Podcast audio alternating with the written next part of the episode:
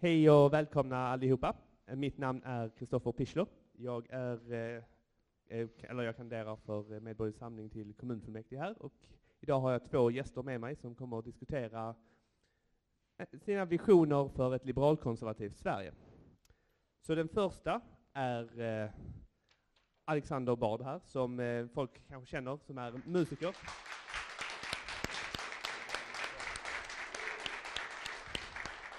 jag har inte varit musiker de sista åtta åren. Så det är åtta år sedan. Där kom fler grejer, sen kom det helt plötsligt en, en applåd där från ingenstans. Eh, musiker, författare, föreläsare, filosof och eh, passionerad och fylld med energi.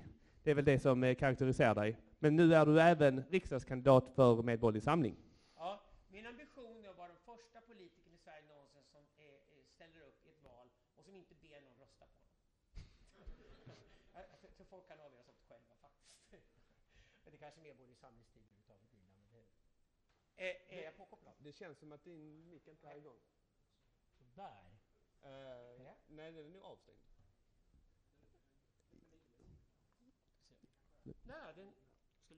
Okej, okay, så ursäkta, vi har lite eh, problem med ljudet här bara. Nu så verkar det vara. Där, nu. Nu så. Där, nu. Vill, vill du upprepa vad du sa? Ni ska inte höra mig för mycket. Du kan sänka mig lite till. Jag är rätt bra på att trycka i lungorna här.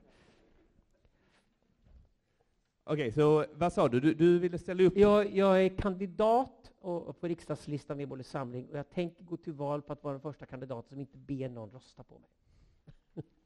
jag tror inte på spam nämligen. Jag tror inte på reklam överhuvudtaget. Ja. Om, om folk vill rösta på någon kan de själva hitta en valsedel och sätta ett kryss. Jag tror medborgarna klarar av det det är ganska medborgerlig samling överhuvudtaget. Mm. Ja, det låter väldigt bra. Och eh, med oss idag har vi även Ilan Sadeh, som... Eh, var är applåden för Ilan?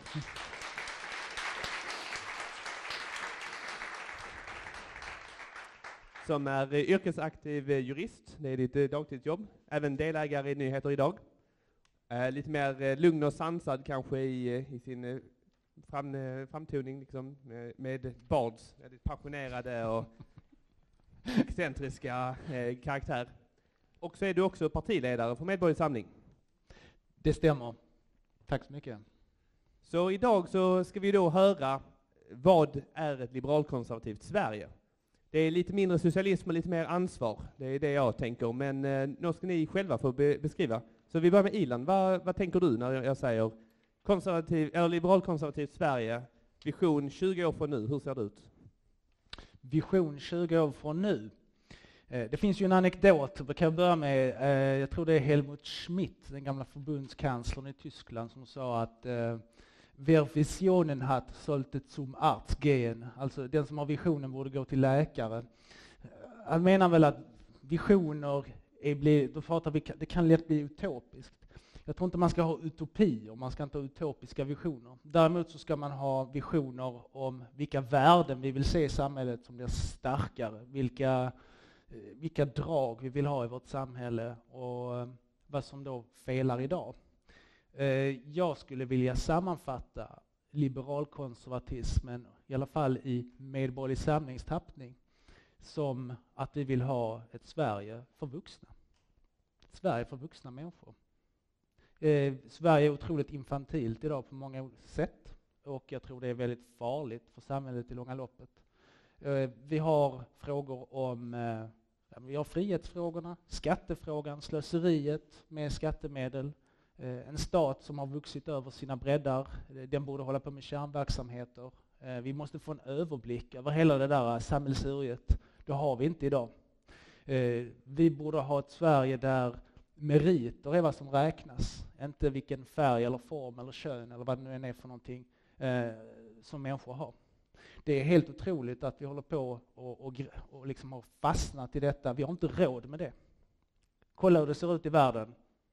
Tror vi, tror vi liksom att västerlandet i stort har råd att hålla på så att vi liksom ska flyga på varandra så att eh, hårtestarna flyger över över saker som, som hur vi tilltalar varandra, vilka ord man får använda, vilket kön som ska vara representerat här och den och den och ras och allting. Men bara lägg ner.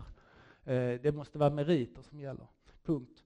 Eh, och sen den tredje biten som eh, kanske jag personligen eh, ser som vår stora mission i Medborgerlig Samling, det är ju demokratifrågan. Tillbaka till demokratins rötter. Vi har idag en adel som styr i Sverige, en ny adel och den är nästan sämre än den gamla. Eh, den nya adeln är en massa politruker som inte har gjort någonting annat i hela sina liv. Titta vilka som är partiledare i riksdagen.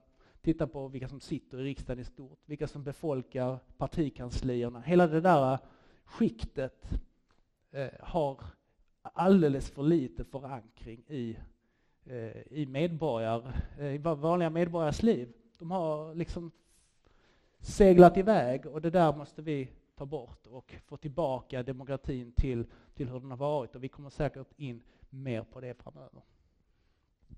Eh, det gör vi säkert. Alexander, har du någonting att tillägga till den här visionen? Ja, jag ska börja med att citera Ilan Sadeh, en fantastisk one-liner. Make Sweden Switzerland again. Och den kommer att hålla länge, den one-liner också. Eh, vad jag menar med det är att eh, Sveriges historia går väldigt mycket tillbaka till Gustav Vasa, Olaus Petri, som kastade ut katolska kyrkan ur Sverige, gjorde Sverige lutherskt och protestantiskt. Och då byggde de en gigantiskt stark stat. Kronan hette det på den tiden.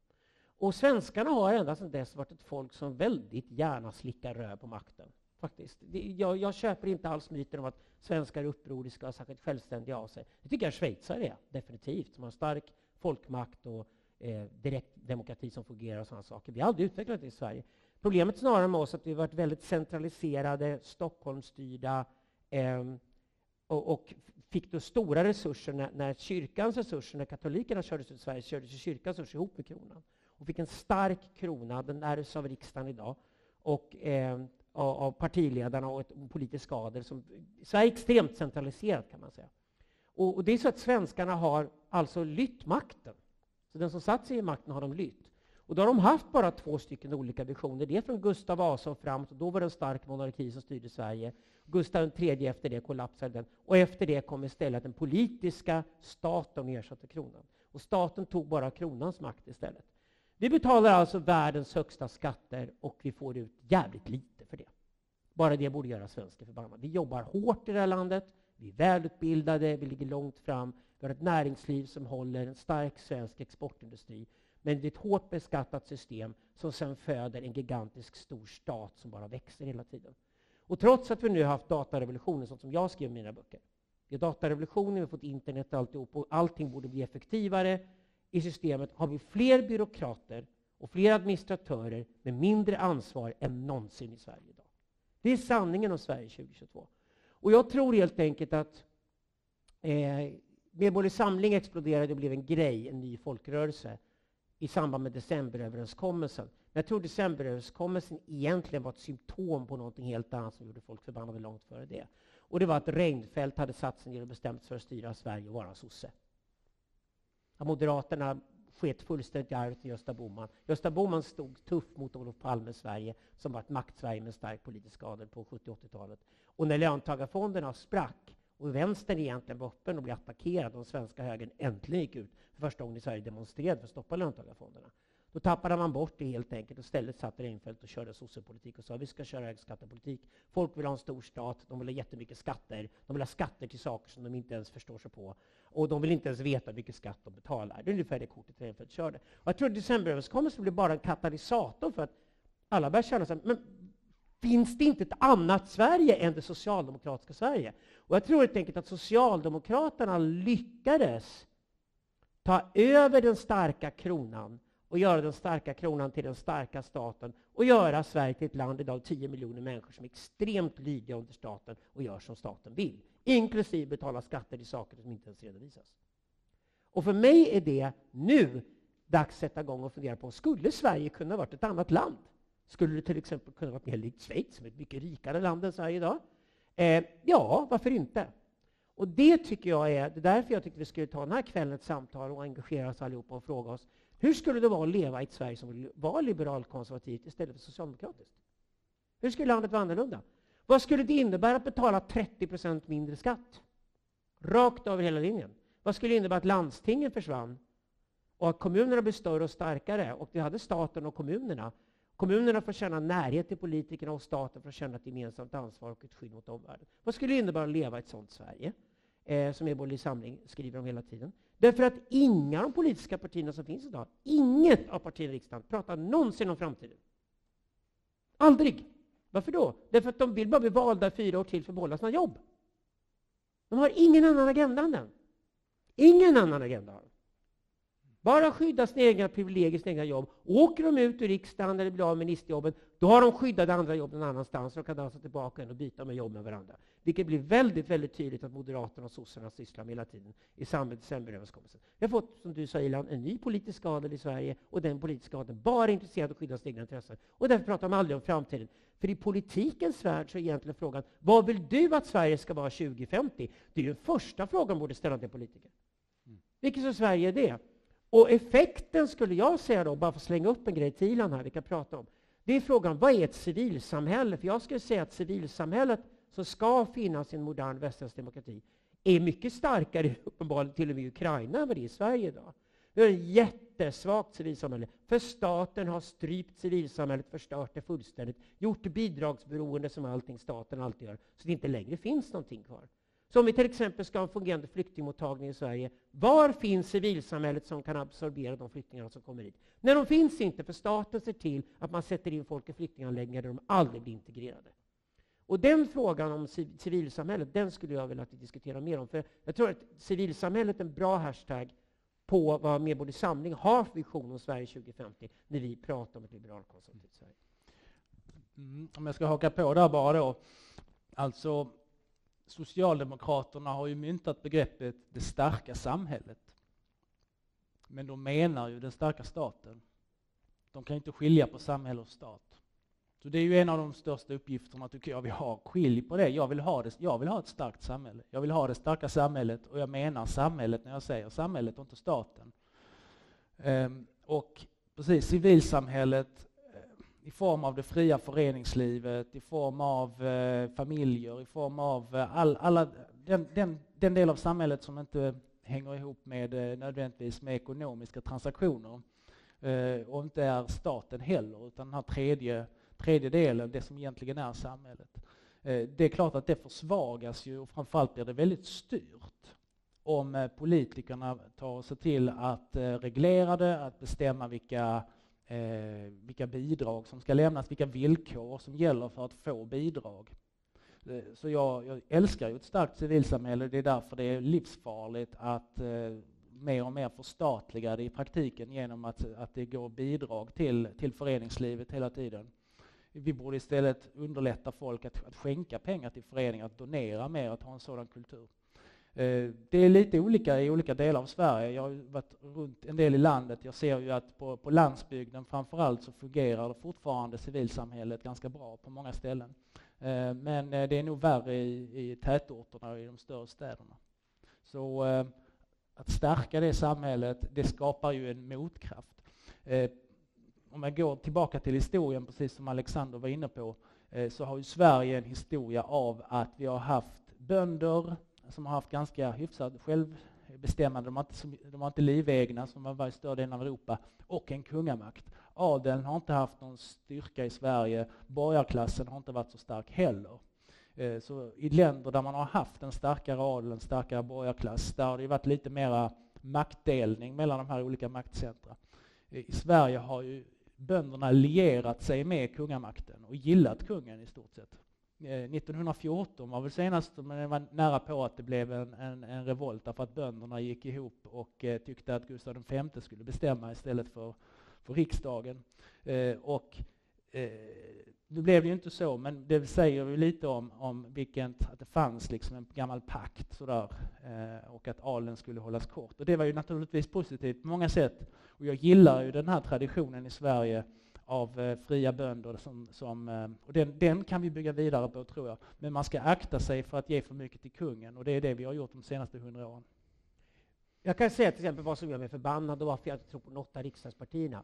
Så fort jag ser en politisk tv-debatt, känn efter hur ni upplever det, så är det första jag får höra att de står och tävlar med varandra om att ge oss någonting. Ha? Alla partierna står och berättar vad de ska ge. De ska ge bidrag till det och bidrag till det. Bidrag till det. Varifrån får de resurserna som de ger oss? De har snott alltihop från oss. De snor allting först via skattsedeln.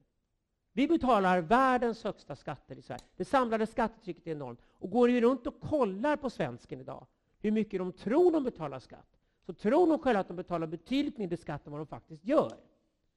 Och det är väl en, en typisk grej för Medborgerlig Samling. Det är bara helt enkelt kräva redovisning av hur mycket skatt man faktiskt betalar. Så att svenska jävla medborgare vet hur mycket pengar de betalar in. För då kommer det här futtiga lilla larvet i tv-debatten. Ni ska få bidrag till det och bidrag till det. Ta ett bra exempel den här vintern. Vi vet allihopa att Sverige kommer inte klara klimatomställningen utan kärnkraften. Det är, man, det är inte vansinne att tro något annat. Fullständigt vansinne. Vi har inte någon jämn, rejäl, fossilfri energitillförsel om vi inte har en fungerande stor kärnkraft i Sverige. Frankrike vet att de bygger ut kärnkraften. Tyskarna har svängt den här veckan tack vare Ukraina. Nu måste de öppna kärnkraften i Tyskland. Och Sverige står ensamt kvar i någon slags atomkraft, nej tack, kultvansinne som vi har hållit på med i Sverige sedan 70-talet, som inte har någonting med dagens kärnkraft att göra och teknologin att göra. Och vi vet allihopa nu att priserna går upp. Så i södra Sverige, inte minst här i Skåne där vi idag, har ni haft svinhöga elpriser. Jag bilade från Stockholm till, till Malmö igår och, och eh, det, det, kostade 22 spänn milen att tanka, tanka soppan. Då blir politikerna livrädda. Vad gör Magda då? Då ska hon gå ut och ge elbidrag. Går svensken på det fortfarande? Det är den frågan jag ställer mig. Det, det här är ju så, det är så uppenbart, det här lurendrejeriet nu. Lögnerna är så uppenbara från hela det politiska etablissemanget. Hur de tar våra pengar i skatter, gör allting så dyrt som möjligt och sen står de i tv och försöker tävla med varandra om att låtsas vara jultomtar. Jag köper inte det. Jag tror inte, jag tror inte någon vettig människa i Sverige gör det längre. Och tittar du då på energimixen, vet, kärnkraft i botten, sen kan du bygga vindkraft, solkraft och andra saker på det. Och sen får du ju självklart titta på sådana vansinniga grejer som vi haft till exempel nu, biobränsle som vi stoppat i bensintankarna. Nu visar att biobränsle var värre än bensin. Det var värre än diesel. Det var ren lögn från början till slut. Vi har, ett sånt klimat, vi har också en sån klimatelit i Sverige idag som inte bryr sig om att rädda klimatet alls. De bryr sig om att göra moral och känna sig goda och överlägsna och tar också skatteresurser för att skapa liksom massa policies som vi i Sverige ska leva med som inte har någon som helst grund i verkligheten. Som inte grundar i vetenskap, till exempel, om man fixar klimatet. Och lägg märke till att Medborgerlig Samling är blå och grönt. Vi vill ta miljö och klimatpolitiken på allvar i det partiet. Därför vi vill bygga kärnkraft. Och nu får vi se vad Moderaterna ska göra som har flörtat med Miljöpartiet. För antingen ska de bygga 30 000 vindkraftverk i Stockholms skärgård, där alla Moderaterna båtar som glider omkring den här sommaren, eller också öppnar de sex nya kärnkraftsreaktorer. Och nu ska Moderaterna leka Miljöpartiet och bygga 30 000 vindkraftverk. Det är en given fråga för Medborgerlig Samling att ta. Vi skulle gärna vilja behålla skärgården och öppna några nya kärnkraftverk istället. Vad säger ni grabbar? För ingen håller med mig på en Samling om det. Så det är en given öppen dörr att ta i den frågan. För mig är det här när elbidragen kom från Magda så fort elräkningarna stack upp, det var bara så här, ja men hur länge ska vi gå på de här dumheterna? Det, var, varför välj, återväljer vi den här politiska adeln? Var, varför ska vi välja mellan Ulf och Magda? Jag kan inte tro på någon av dem. De håller på med samma idiotier. Ta, snor skattepengar från oss och sen låtsas ge det tillbaka som jultomten gör på julafton. Alltså det, nej, jag köper inte. Okej, okay, så uh, det var väldigt uh långa införanden, eller anföranden här i början. Eh, vi har ju då ett eh, gäng frågor som jag tänkte komma tillbaka till, men som jag också ville upplysa både till publiken och till er som eh, kollar hemifrån. Har ni några frågor så kommer vi ha en hel timme efter detta, där ni kan ställa frågor direkt till Ilan och Bard och ha lite debatt. Ni kommer få både kunna ställa en fråga och kunna till och med få en replik på deras svar, så att ni verkligen kan utforska ja, vilka tankar ni än har. För vi är ändå i Lund liksom, och här ska vi, här tror vi på intellektuell debatt, eller hur? Så eh, då tänkte jag bara börja på den första strukturerade frågan, eh, som eh, kanske några här inte har märkt, men eh, Ryssland har ju då attackerat Ukraina. Jag vet inte om alla har koll på det, men eh, då är frågan liksom, vad, vad tycker vi om detta? Eh, vad, hade vi gjort annorlunda? Tycker, vad tycker vi om NATO? Vad, vad är era tankar i allmänhet om detta? Så bara har vi det avhandlat lite snabbt nu i början. Det här ska ju då inte dra ut över hela, för detta är ju ett liberalkonservativt Sverige, inte liberalkonservativt Ukraina och Ryssland. Men eh, lite tankar? Ja, ja men det är ju det är med en väldigt stor sorg som jag tittar på detta. Det är, det är fruktansvärt på alla sätt och vis. Det är en ganska unik situation i Europa. Ända sedan andra världskriget har det nog inte varit något liknande fall i Europa. Det vill säga att en stormakt pucklar på en annan stat i syfte att, att i stort sett eh, eh ockupera den till, till fullo och eh, möjligen sätta dit någon marionettregim eller kanske helt införliva den, vad de nu har i kikaren.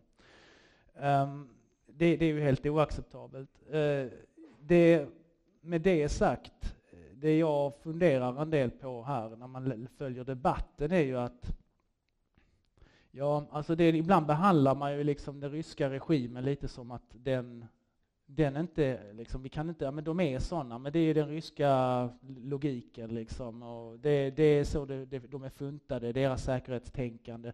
Ungefär som att de inte är lika ansvariga som vi andra.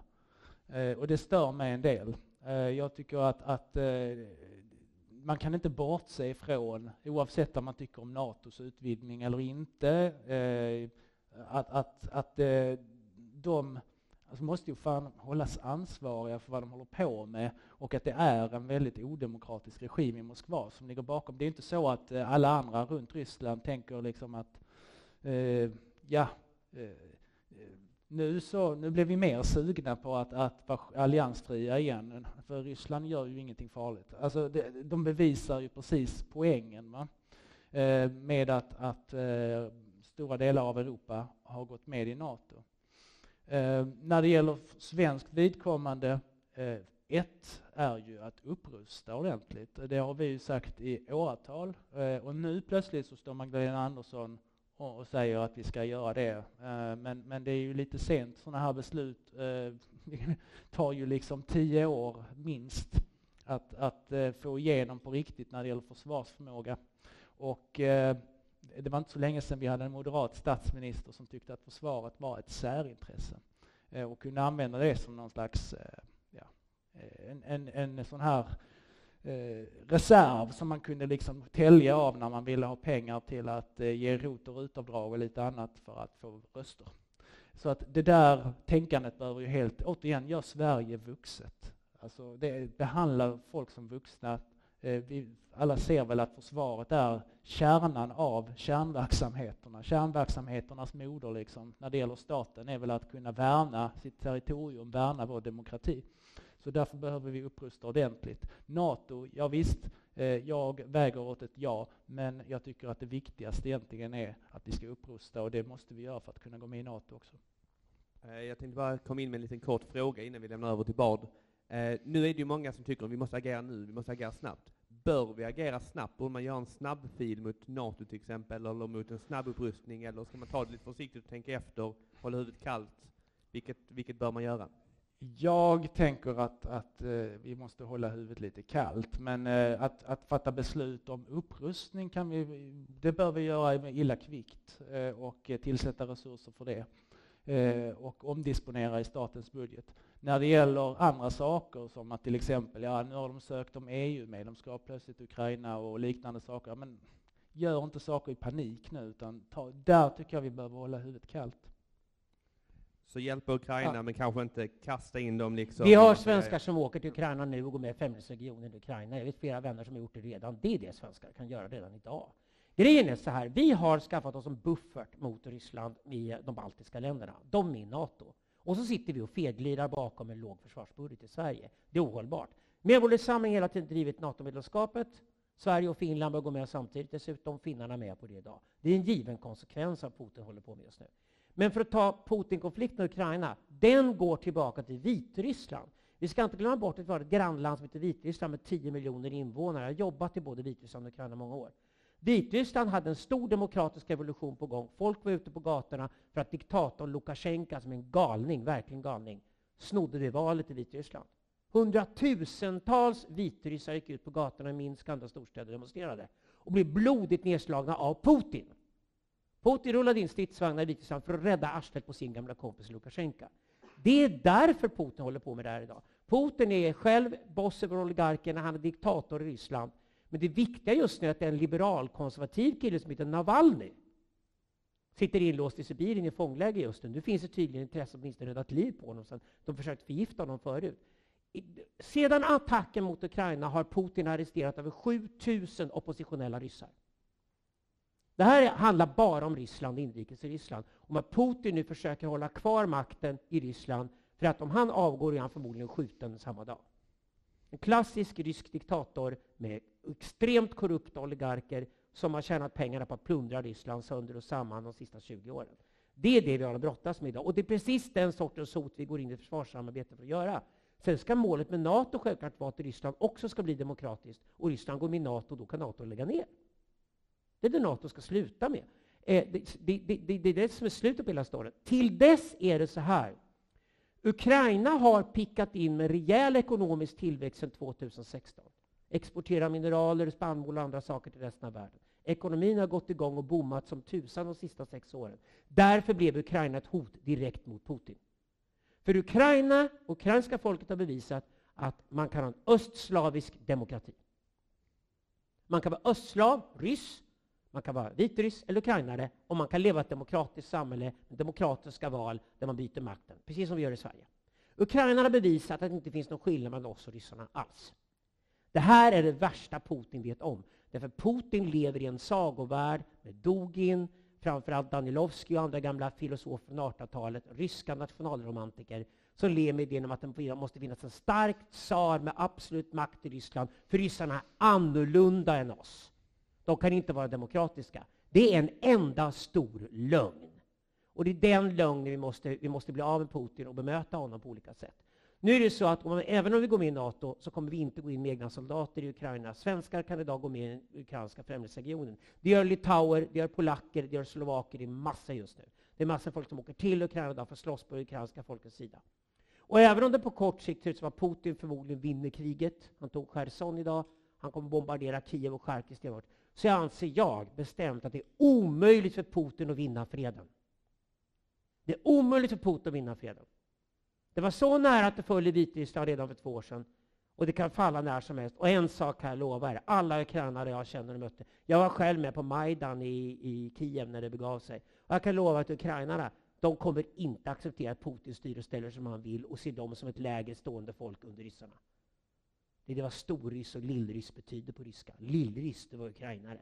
Man är mindre, man är mer korkad. Man är mentalt inkapabel att fatta egna beslut. För det anser ryssarna att de ska göra över Ukraina. Och den modellen med storryssar och lillryssar kommer Ukraina aldrig ställa upp på. Putin kan inte vinna freden. Och det här är problemet. Det betyder att det kommer bli blodigt och rörigt österut från Sverige. Att vi nu måste gå upp åtminstone rusta upp så mycket som krävs i NATO-medlemskapet. absolut minimum som måste göras. Och här har Medborgerlig Samling sin trovärdighet, första frågan. Vi har varit för NATO och vi har varit för kärnverksamheter i statliga verksamheter det ingår ett starkt försvar som försvarar Sverige. Och vi ska jobba tajt upp med de andra nordiska länderna. Norge, Danmark, Israel är redan med i NATO. Sverige och Finland borde gå med i NATO. Och de baltiska länderna ska inte stå ensamma med i NATO oskyddade, utan vi ska ställa oss upp lojala bakom dem ifall ryssarna anfaller Baltikum. Ja, bra. Tack så mycket. Det var bra svar på den frågan. Eh, men en annan konsekvens av eh, Ryssland och Ukraina-krisen är att det kommer flyktingar till Europa. Och eh, Medborgerlig Samling har ju drivit länge ett asylstopp. Kommer detta även gälla då för eh, ukrainska flyktingar? Nej, det skulle jag nog säga att det inte gör. Det, det, man måste liksom kunna anpassa sig efter hur läget ser ut i omvärlden. Om vi tar asylpolitiken som har gått i Sverige under flera årtionden Eh, så har ju den faktiska eh, asylsökanden eh, och eh, anhöriginvandraren har ju varit primärt då från Mellanöstern, från Afrika, från, eh, från västra Asien. Där har vi ju så småningom nått en nivå där vi liksom inte klarar av integrationen. Det är ju uppenbart. Det kan ju alla människor som har två ögon och två öron se och höra. Det funkar inte. Och då har vi sagt så här, men då måste man vara vuxen nog att kunna säga det. Eh, och se, liksom, ta en, en, ett överperspektiv här. Det handlar inte om vad man tycker om personer, för jag tycker liksom, skilj på det personliga och hur samhället fungerar. Eh, och då, då har vi konstaterat att det här funkar inte. Eh, däremot så säger vi att, att arbetskraft, folk som är utbildade, folk som har ett, ett studier eller jobb som väntar här, det är bara att applådera, välkomna, se till att, att bidra till Sverige så kommer vi att, att stötta er. Eh, men, eh, men just när det gäller den typen av asylpolitik som har rått i förhållande till de områdena i världen så har vi sagt nej, vi får ha, ta ett stopp. När det gäller Ukraina så är det ett land i vårt närområde. Det är Polen och lite vatten emellan. Det är ganska nära. Eh, det är europeer, det är lättare att, för dem att integreras väldigt snabbt, att kunna få jobb direkt. Det är ofta en ganska hög utbildningsnivå. Så att där behöver vi titta på och kanske hantera det på ett annat sätt. Sen tror jag att de flesta ukrainare som, som rör sig utanför Ukraina, de har ju ofta släktingar i Polen och de har släktingar här också. Det, det är ju en helt annan historia än personer som, som har kommit hit, delvis på grund av de välfärdslöften som har funnits här eh, i förhållande till människor från, från Mellanöstern. Så jag skulle säga, för att svara på frågan då enkelt, nej, vi kan inte säga att det är ett asylstopp gentemot ukrainare. Eh, Medborgerlig Samling är invandrarvänligt och integrationskritiskt. Det är så oerhört viktigt att lära sig skilja de här två frågorna. Därför inte heller håller med Sverigedemokraterna i de här frågorna. Vi är inte rädda för invandrare i sig. Om folk står vid svenska gränsen med kappsäck full med pengar och jobb och arbete så ska man göra som man i Schweiz. Släpp in dem. Alltså Kanada och Australien har fungerande stora invandrarcommunities. Det funkar bra. Det handlar bara om integrationsfrågan. Nu är det så att nästan drygt tre miljoner ukrainare har redan utvandrat till Västeuropa. Det var som faktiskt hänt sedan 90-talet. Vi har tagit mycket polacker som kommer till Sverige och ukrainarna har fyllt de jobben i Polen som blir lämnade istället. Så Polen finns redan väldigt många ukrainare och det gör det också mycket lättare att assimilera. Nu är det en miljon människor som är i rörelse i Europa, huvudsakligen kvinnor och barn, som har lämnat Ukraina idag. De flesta av dem åker självklart till Polen, Slovakien, Tjeckien, för där förstår alla det ukrainska språket. De ligger lika nära som vi gör inom Norden. Därför kommer de ta de flesta. Tyskland har också öppnat sig för att ta emot fler ukrainska invandrare. Och då ska man veta att Tyskland behöver 400 000 invandrare per år bara för att hålla uppe sin befolkning och för att fylla de tomma jobb som finns i Tyskland. Så många ukrainare kommer omgående få jobb i Tyskland och Polen bara de kommer dit nu.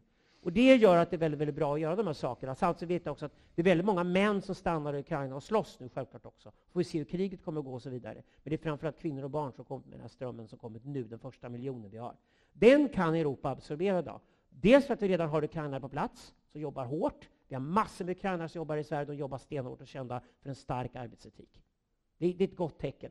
Och då kan de också absorbera fler ukrainare som flyttar upp och bor i de familjerna. Så integrationen blir mycket, mycket lättare. Integration är också inte permanent, det är också tillfällig.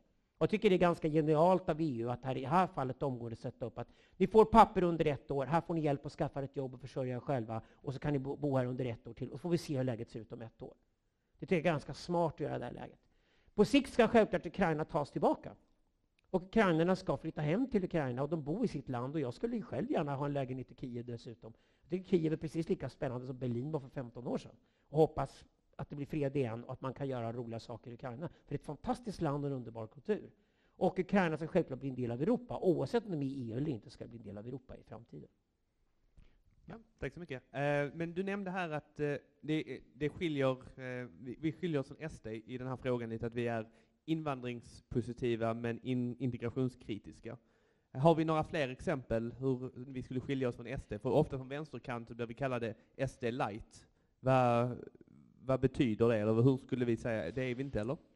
Den stora biten är väl egentligen SDs ekonomiska politik. SD är ju inte systemkritiskt för fem öre när det gäller eh, statsapparaten, när det gäller de här frågorna om att gå igenom den från myndighet till myndighet och se till att liksom, vad är det som är kärnverksamheten, vad ska lämnas till medborgarna själva. SD är väl mest snarare intresserat av att ta över en socialdemokratisk stat och göra den till sin. Alltså, Inklusive över Sveriges Television och Sveriges Radio? Ja, ja. Men ni vill ha kvar det också? mer folkdans och sånt där i Sveriges ja. Television. Nej, men, men, raljerar lite, men det är väl lite mer åt det hållet. Eh, det tror jag Mattias Karlsson, eh, deras chef, chefsideolog, som är en väldigt klok människa, men, men jag tror det är hans eh, vision av det hela att liksom ta den apparaten men att implantera deras partikultur, deras eh, bild och ideologi av det hela. Um, så så det, det, är ju en viktig skillnad. Sen kommer vi ju lite ideologiskt från ett annat håll. Eh, sen kan vi ha syn, eh, sammanfalla vissa synpunkter, eh, men vi kanske har lite olika motivering. Men eh, invandringspolitiken, ja visst, där kan finnas vissa likheter. Ehm, eh, men, men vi kan ha olika motivering för det hela. Jag skulle liksom säga när det gäller asylpolitik, innan för att runda av det lite, att eh, det är ju två saker man måste hålla i huvudet. Det ena är ju vilka behov finns ute i världen och det andra är hur klarar landet, värdlandet Sverige att hantera detta nu och framöver och om 10 år, om 20 år, om 50 år? Vad kommer Sverige att vara om 50 år om vi missköter det? Och båda de måste man ju liksom hålla i huvudet. Och just i Ukrainas fall så ser jag i alla fall att, att det är inte riktigt samma utmaningar som det är med stora grupper från, från Mellanöstern till exempel som har varit så dominerande i, i svensk invandring sedan, sedan flera årtionden.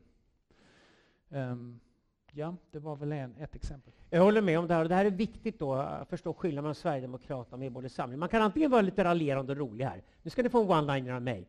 Det Sverigedemokraterna gjorde för varmkorven, det måste Medborgerlig Samling göra för sushin. Vad ska vi göra? eh, sushi medelklassmat, varmkorv arbetarklassmat. Ja, alltså, jag anser att Sverigedemokraterna gjorde vad de fångade, att arbetarklassen blev förrådd av vänstern i Sverige på 1980-talet. Eh, Sverigedemokraternas chans kom när arbetarna i Sverige insåg att löntagarfonderna var ett påhitt mellan sossarna och LO om att sossarna och LO skulle ta över och köra företagen i Sverige. Och då fattade Sveriges arbetare att det kommer bli vansinnigt, för det är Sovjetunionen. Och där kom precis när Sovjetunionen på att rasa ihop dessutom på 1980-talet. Och det insåg svenska arbetare att nej, företagsledare är nog bäst på att driva företag och fackpampar ska vi ha till för att driva tuffa löneförhandlingar så vi får bra betalt våra jobb som vi stått över. Det är den svenska arbetaren. Och eftersom sossarna sket i den svenska arbetaren på 1980-talet, för sossarna har blivit medelklass, om de var lite tjusiga, de var akademiker allihopa medelklass, och då kommer klassföraktet och inte minst föraktet mot arbetarklassen. Det är Socialdemokraternas förbannelse än idag, för nu sitter de bara och kopierar Sverigedemokraternas politik. Och förr eller senare måste Magda och Jimmy samregera, för de tycker egentligen likadant om allt idag. Men, men det, de måste ju ställa sig ner och be svensk arbetarklass om en enda stor förlåtelse för att de övergav den. Och så måste de kasta ut genusforskning och all skit de håller på med i sossarna idag, för den har inte med arbetarklassen att göra. Det är det projekt som pågår mellan Sverigedemokraterna och sossarna det vi pågår nu här, idag, det är medborgerlig samhällets relation till svensk borgerlighet. Och vad jag menar med att vi måste göra det för sushin, som Sverigedemokraterna gjorde varmkorv, är att den svenska medelklassen är förrådd idag. Det är den som är förrådd idag. Eh, jag vet att Medborgerlig Samlings bästa rekryteringsbas senaste åren har varit folk i 50-årsåldern som har jobbat hårt hela sitt liv, betalat av alla sina lån, bor i ganska fina villaförorter i ganska stora kåkar, har en Tesla och en HD parkerad utanför och tänkte köpa en kåk i Marbella framöver och ha det lite nice. Och nu vill de inte göra det längre för de är jävligt oroliga för Sveriges framtid och deras barnbarn kommer få det. Så de stannar och går med i Medborgerlig Samling. Det är Medborgerlig Samlings rekryteringsbas. Det är de gamla Gösta Bohman-moderaterna som kommer tillbaka in igen och inser att vi kan inte sticka utomlands på halvtid och pensionera oss och bekvämt. Vi måste engagera oss. Och det har blivit Medborgerlig Samlings bas. Och nu går Medborgerlig Samling ner i åldrarna och rekryterar fler och fler unga. Och fler och fler invandrare går med i Medborgerlig Samling som ser att integrationen inte fungerar, men de tror inte på SDs modell, de tror på MED. Så där kommer MED ha sin tillväxt framöver.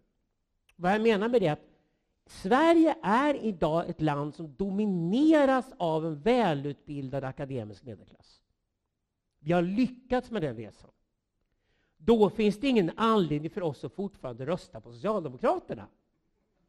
Man kan ge dem en eloge för vad de har gjort och deltagit i det här och varit bra löneförhandlare mot näringslivet och se till att folk har bra betalt. Det kan man absolut göra. Men de har inget med Sveriges framtid att göra. Magda har ingen plan för Sveriges framtid. Hon kom med elbidrag när hon precis ruinerat oss. Därför att hon stängt ner kärnkraften. För att hon satte miljöpartidårar i Sveriges regering. Det går inte att lita på kärringen. Ta bort det där. Och det, det, det, eftersom idag Sverige domineras av en välutbildad akademisk urban medelklass. Precis den kraft som växer fram nu i Ryssland och växer fram nu i Ukraina. Den dominerar Sverige redan idag. Varför kan inte Sverige erkänna att nu är vi välutbildade medelklass, vi tror på e företagande, vi tror på småföretag, vi tror på stora exportföretag, vi tror på teknologi, vi tror på bra utbildning, vi tror på ingenjörer, vi tror på medicin, vi tror på medtech, edtech, ta vad ni vill. Vi kan skapa världsledande företag som ger världsmarknader, som en gång gjorde med Ikea och H&M. Vi gör idag med Spotify och techbolagen istället. Sveriges näringsliv funkar strålande. I stenhård konkurrens med utlandet klarar vi som ett litet Tyskland i norr att konkurrera med tyskarna själva. Vi har igen. Och det är inte tack vare sossarna. Det är tack vare svenska medborgare. Så varför får vi inte i sådana fall en politisk medborgarrörelse som erkänner att detta nu är ett faktum och låter då i sådana fall en bildad akademisk medelklass få dominera den svenska politiken? Varför ska någon annan sitta och dominera den? Varför har vi parallellt med den svenska medelklassen utbildat en politisk adel som skaffat sig akademiska titlar i genusforskning? Som ingen någonsin har bett om eller har nytta av. Och vad gör vi då? Jo, då bygger vi en stor statlig byråkrati. Och vad är den full av? Den är full av folk vi inte behöver, som har massor med bullshit jobs.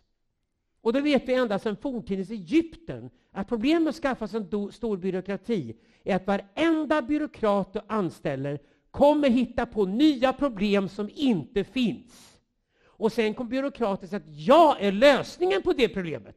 Men jag tänker inte lösa problemet för att bli av med mitt jobb. Utan jag tänker hitta på ett problem som aldrig går att lösa. Som till exempel radikalfeminism. Det spelar ingen roll hur jämlikt Sverige är. Det är fortfarande inte jämlikt. Och är det till slut jämlikt, då ska vi kvotera in mer än 50 procent kvinnor i allting. Även där det är 100 procent kvinnor ska vi kvotera in ännu fler kvinnor. Tills vi har inga kvinnor kvar att kvotera in. Det finns inte tjejer kvar till alla utbildningar där man står och skriker efter fler tjejer som ska plugga dem. Varenda brud i Sverige idag går högre utbildning. Men det räcker inte till. Man tar in kvinnor från Bangladesh idag för att fylla kvoter av kvinnor på Chalmers och KTH. Det är vansinne! Men det är vad man får när man utbildar byråkrater och ger dem ett jobb. För det enda en byråkrat som aldrig duger i näringsliv, de skulle aldrig kunna få ett jobb som betalas näringsliv, de skulle aldrig ha ett jobb som egentligen är värt sin lön. De skulle aldrig få det enda en byråkrat duger till hitta på nya problem som inte finns. Och Sverige är fullt idag av problem som inte finns som sossarna bygger sin maktapparat på. Därför att sossarnas väljare idag sitter i offentlig sektor och har bullshitjobs. Det är deras kärnväljare idag. Jag är trött på det. Vi vet gigantiska HR-avdelningar, stora kommunikatörer, det nya yrket inom den kommunala förvaltningen. Eh, ni vet, det, det, finns, man hittar nya, nya titlar, säg det, ge en engelsk titel så låter det vackert. Eh, och, och, det där bara fortgår, så att det, precis, man hittar jobb åt sig själv. Eh, så att vi, vi behöver på något sätt, om vi har en så välutbildad medelklass, så är det väl dags att den medelklassen då tittar, liksom, nej vi får vänta lite med huset i Marbella och faktiskt eh, göra en insats för landet. För det är det det handlar om lite, som jag ser det. Att göra sin, sin medborgerliga plikt ett tag. Sen kan man gå tillbaka till huset och köpa det där huset i Marbella och, och odla sin trädgård bokstavligt eller bildligt talat. Så att det är det liksom som är vårt etos lite. Tillbaka till demokratins rötter. Vi vill inte ha den där adeln, men vad fan, den, den, kommer vi att ha kvar så länge vi inte själva gör någonting åt det. Och då gör vi det. Det går ganska enkelt att göra en kalkyl idag att vi skulle kunna sänka skattetrycket med 30 procent och få en bättre stat. Det är inget svårt att göra den kalkylen alls. Och det har Medborgerlig Samling gjort. Och det är också budskapet. Och det är därför skatteupproret är ett av hashtaggen Jag älskar Medborgerlig Samling. Och det är inget annat parti som vågar ta den frågan. De marginella små skattesänkningar som Nyamko Ulf pratar om i kanten är bara för att hålla kvar det sossiga Sverige. Och det, jag, vill, jag vill inte ha ett sosse-Sverige längre. Jag vill bli av med det. Jag vill ha ett svenskt i Sverige idag som är mycket mer likt Schweiz med en stark, välutbildad medelklass med självförtroende som dominerande faktor. Och sen ser man till att arbetarklassen får självklart villkor, bra skola, så alla får chansen. Och det är en annan hashtag jag älskar som Medborgerlig Samling äger idag, det är meritokratin. Och den är helt förrådd av alla riksdagspartierna. De har gått helt loss på woke och all sån här skit istället och ska hålla på med inkvoteringar och hudfärg och grejer dit. När det i själva verket är en mångfald som behövs på en arbetsplats. Det är många olika människor som tänker annorlunda, inte ser annorlunda ut. Det, att man tänker på olika sätt, man har olika åsikter, det gör alla system intelligentare och bättre. Men att man ser olika ut, det döljer bara att man egentligen vill tvinga alla att tänka och tycka likadant. För det är alltid konsekvenser av när du, när du har en fejkad pseudomångfald för att folk ser olika ut, att alla måste tänka och tycka likadant. Det vill vi få stopp på med Medborgarsamling. Mångfalden ska vara på riktigt, den ska vara i åsikterna, i skallen på folk, och inte i utseendet. Men det låter ju nästan lite som att de här eh, byråkraterna är ju nästan entreprenörer eftersom de lyckas hitta nya problem hela tiden. Eller, eller är problemet att de inte finns? Nej, de är inte entreprenörer. Det är ett fint ord. Skita inte ner i ordet. Bullshit jobs däremot, som jag pratar om, det är ett engelskt uttryck vi kan importera till svenska språket. Jag tycker det är ett bra ord. Bullshit jobs helt enkelt, det ställer frågan, tillför den här människan ett realvärde? Och det är väldigt marxistiskt, jag är ju marxist. Det vill säga, man ska gå till ett jobb där man skapar ett värde för sig själv och andra. Och så får man betalt för att göra det jobbet, och det är en del av värdet man skapar. Sen ger man ett mervärde till det om man till exempel har ett jobb i ett företag. Man ger företaget ett värde som också blir ett värde som aktieägare och andra som investerar till dig när du har det jobbet i företag också ska ha en del av. Men du ska självklart få skäligt betalt varje månad och det är det vad månadslönen handlar om för dig som du går i.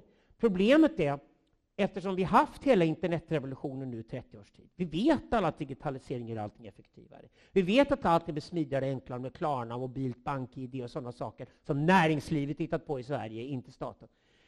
N när vi har sett de här grejerna ske och vet det, så då måste vi ställa oss frågan, men varför i helvete har byråkratin växt? Varför har vi fler byråkrater än någonsin i Sverige nu 30 år senare? Varför ska jag fylla i ännu fler enkäter från myndigheter så fort jag gör någonting? Eh, jag, jag har själv en kompis som sitter häktad i Stockholm i en väldigt förvirrad grej. Och jag ska träffa min kompis. Och de, då har jag rätt att träffa min kompis som sitter häktad i svenskt, i svenskt fängelse. Inte dömd, utan häktad. Och jag har två stycken tillfällen per vecka att ringa och sitta en telefonsluss där jag uppenbarligen inte ska komma fram. Sverige har ett häktesförfarande idag som är sämre än i Sydsudan. Det vi har. Det är byråkratin i Sverige. Den är ofta Kafka. Den är skit. Varför i helvete kan jag gå ut med en app och boka bildäcksbyte när våren kommer? Men jag kan fan inte gå in med en app och boka möta min kompis som sitter häktad. Svenska myndigheter är skitdåliga på teknologi. Det är näringslivet som är bra på teknologi. Det är entreprenörer som är bra på teknologi i Sverige. Klarna är jättebra, kommer lyckas i hela världen. Kry är jättebra, kommer lyckas i hela världen. Kommer exportera svenska vårdcentraler i hela världen via Kry. Ja, jättebra gjort. Men svenska myndigheter är skitdåliga på teknologi, fast det är så många som jobbar där och kostar så mycket. Och det är av en enda anledning. De är aldrig konkurrensutsatta och de har inget ansvar för vad de sysslar med. För tjänstemannaansvaret är skrotat i Sverige. Det, det, jag tycker det är anmärkningsvärt att vi sett det här monstret växa upp de sista 30 åren. För det är för mig den stora hydran som måste bort. Det måste bli bort med den stora offentliga sektorn. Den ger inte mervärde för medborgarna. Och vi, vi får betala notan. Det märkliga är ju att ta, ta sjukvården till exempel. Eh, idag så ska ju, förväntas ju läkare sitta och göra saker och ting som, som tidigare låg på sekreterare. På ett helt annat sätt än det var för, för eh, för 20, 30 och 40 år sedan. Då det, det var liksom, det var allting sköttes av sekreterare, administration, läkare kan ju som bekant knappt skriva och sådär. Och eh, likväl, då kan man ju tänka så här, mm, men då borde det väl finnas lite färre, lite mindre administration då när, när läkaren sitter och gör i stort sett allting. Men grejen är att på den här tiden så har administrationen inom vården mångfaldigats. Jag tror den har ökat tre eller fyrfalt om inte jag minns fel. Alltså det är, jag kan inte den exakta siffran. Men administrationen har bara fortsatt att öka och öka och öka trots att läkaren sitter och gör allt nästan som en läkarsekreterare gjorde för 40 år sedan. Var är felet någonstans? Då får man ju tänka efter lite. Vilka är det som är, vad är administrationen idag? Vad består den av inom regionerna till exempel? Ja? Ja, administratörerna är jättebra på att hitta på problem som inte finns. Då blir de mm. kvar. Mm. Det är det som är problemet. Men följdfrågan blir väl, vad är lösningen? Lösningen är rimligen att, att skära ganska ordentligt. Mm. Att, Dra undan mattan. Ja, alltså, och för att göra det tror jag att, det, jag vet, jag tror inte, jag vet att det behövs en ny kraft in i politiken som inte har suttit i hundra år och vuxit ihop med systemen.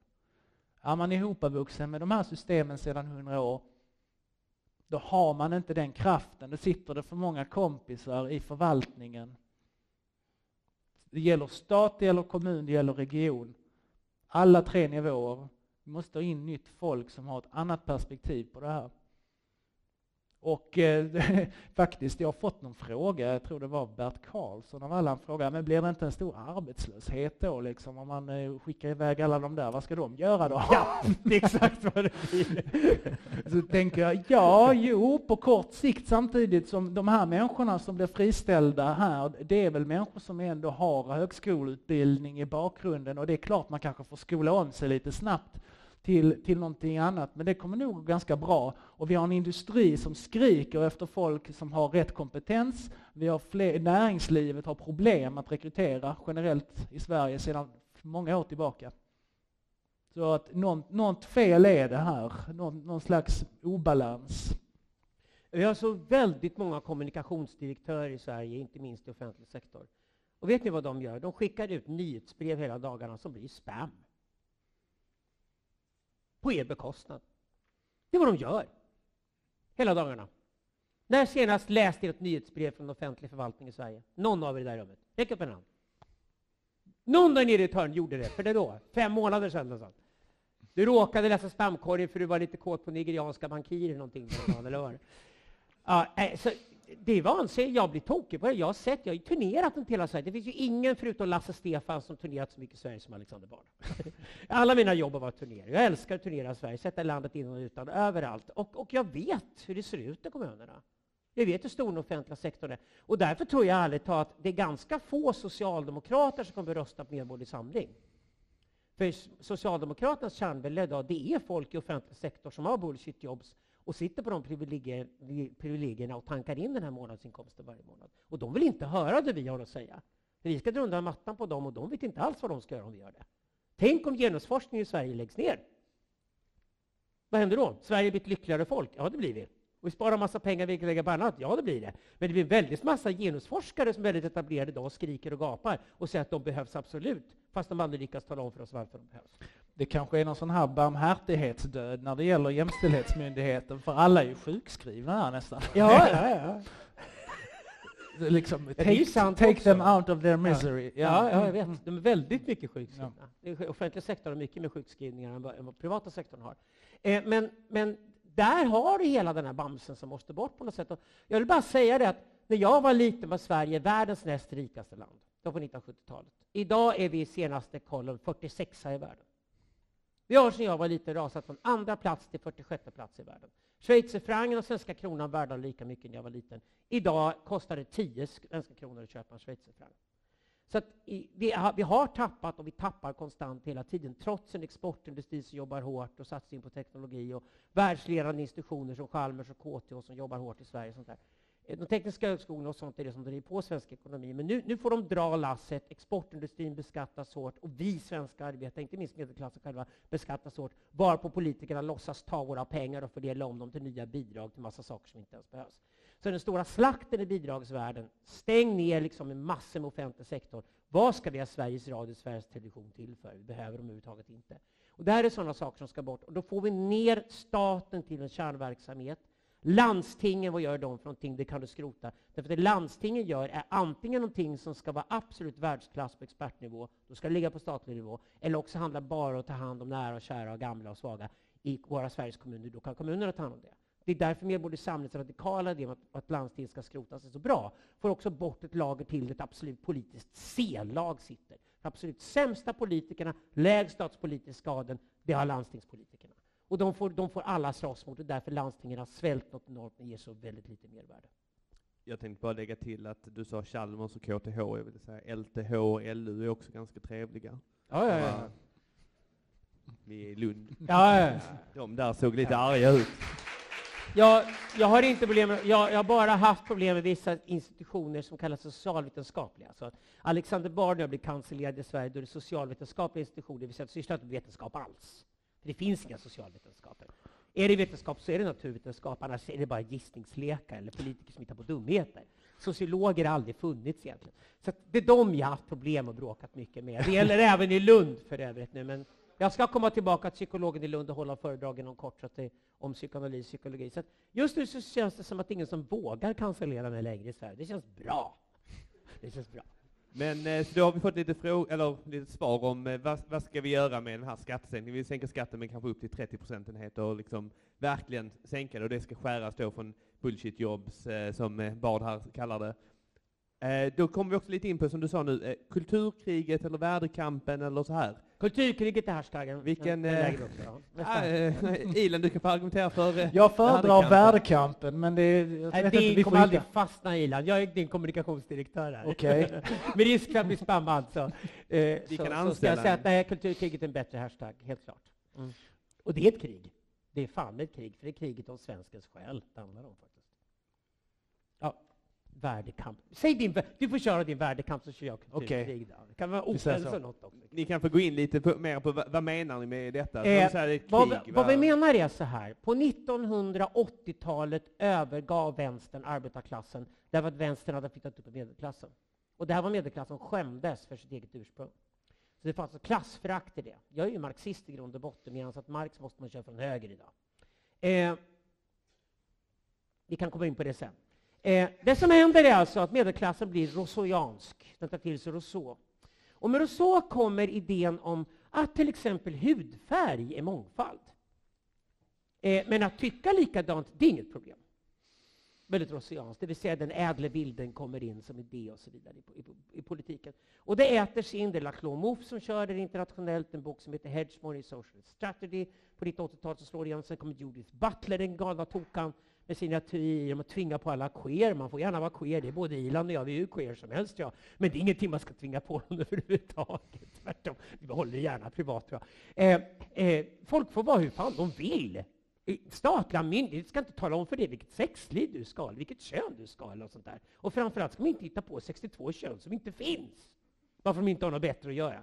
Eh, dumheter, det är galenskaper. Och de här galenskaperna kommer in och tar över vänstern. Och det är till och med så att Miljöpartiet, som från början åtminstone höll på med miljö och klimat, övergav ju miljön och klimatet, för plötsligt skulle de vara kyrktanter och springa omkring och vara moralister. Och då kom de på att det var mycket bättre att köra genusforskning och könskrig och grejer och kulturkrig.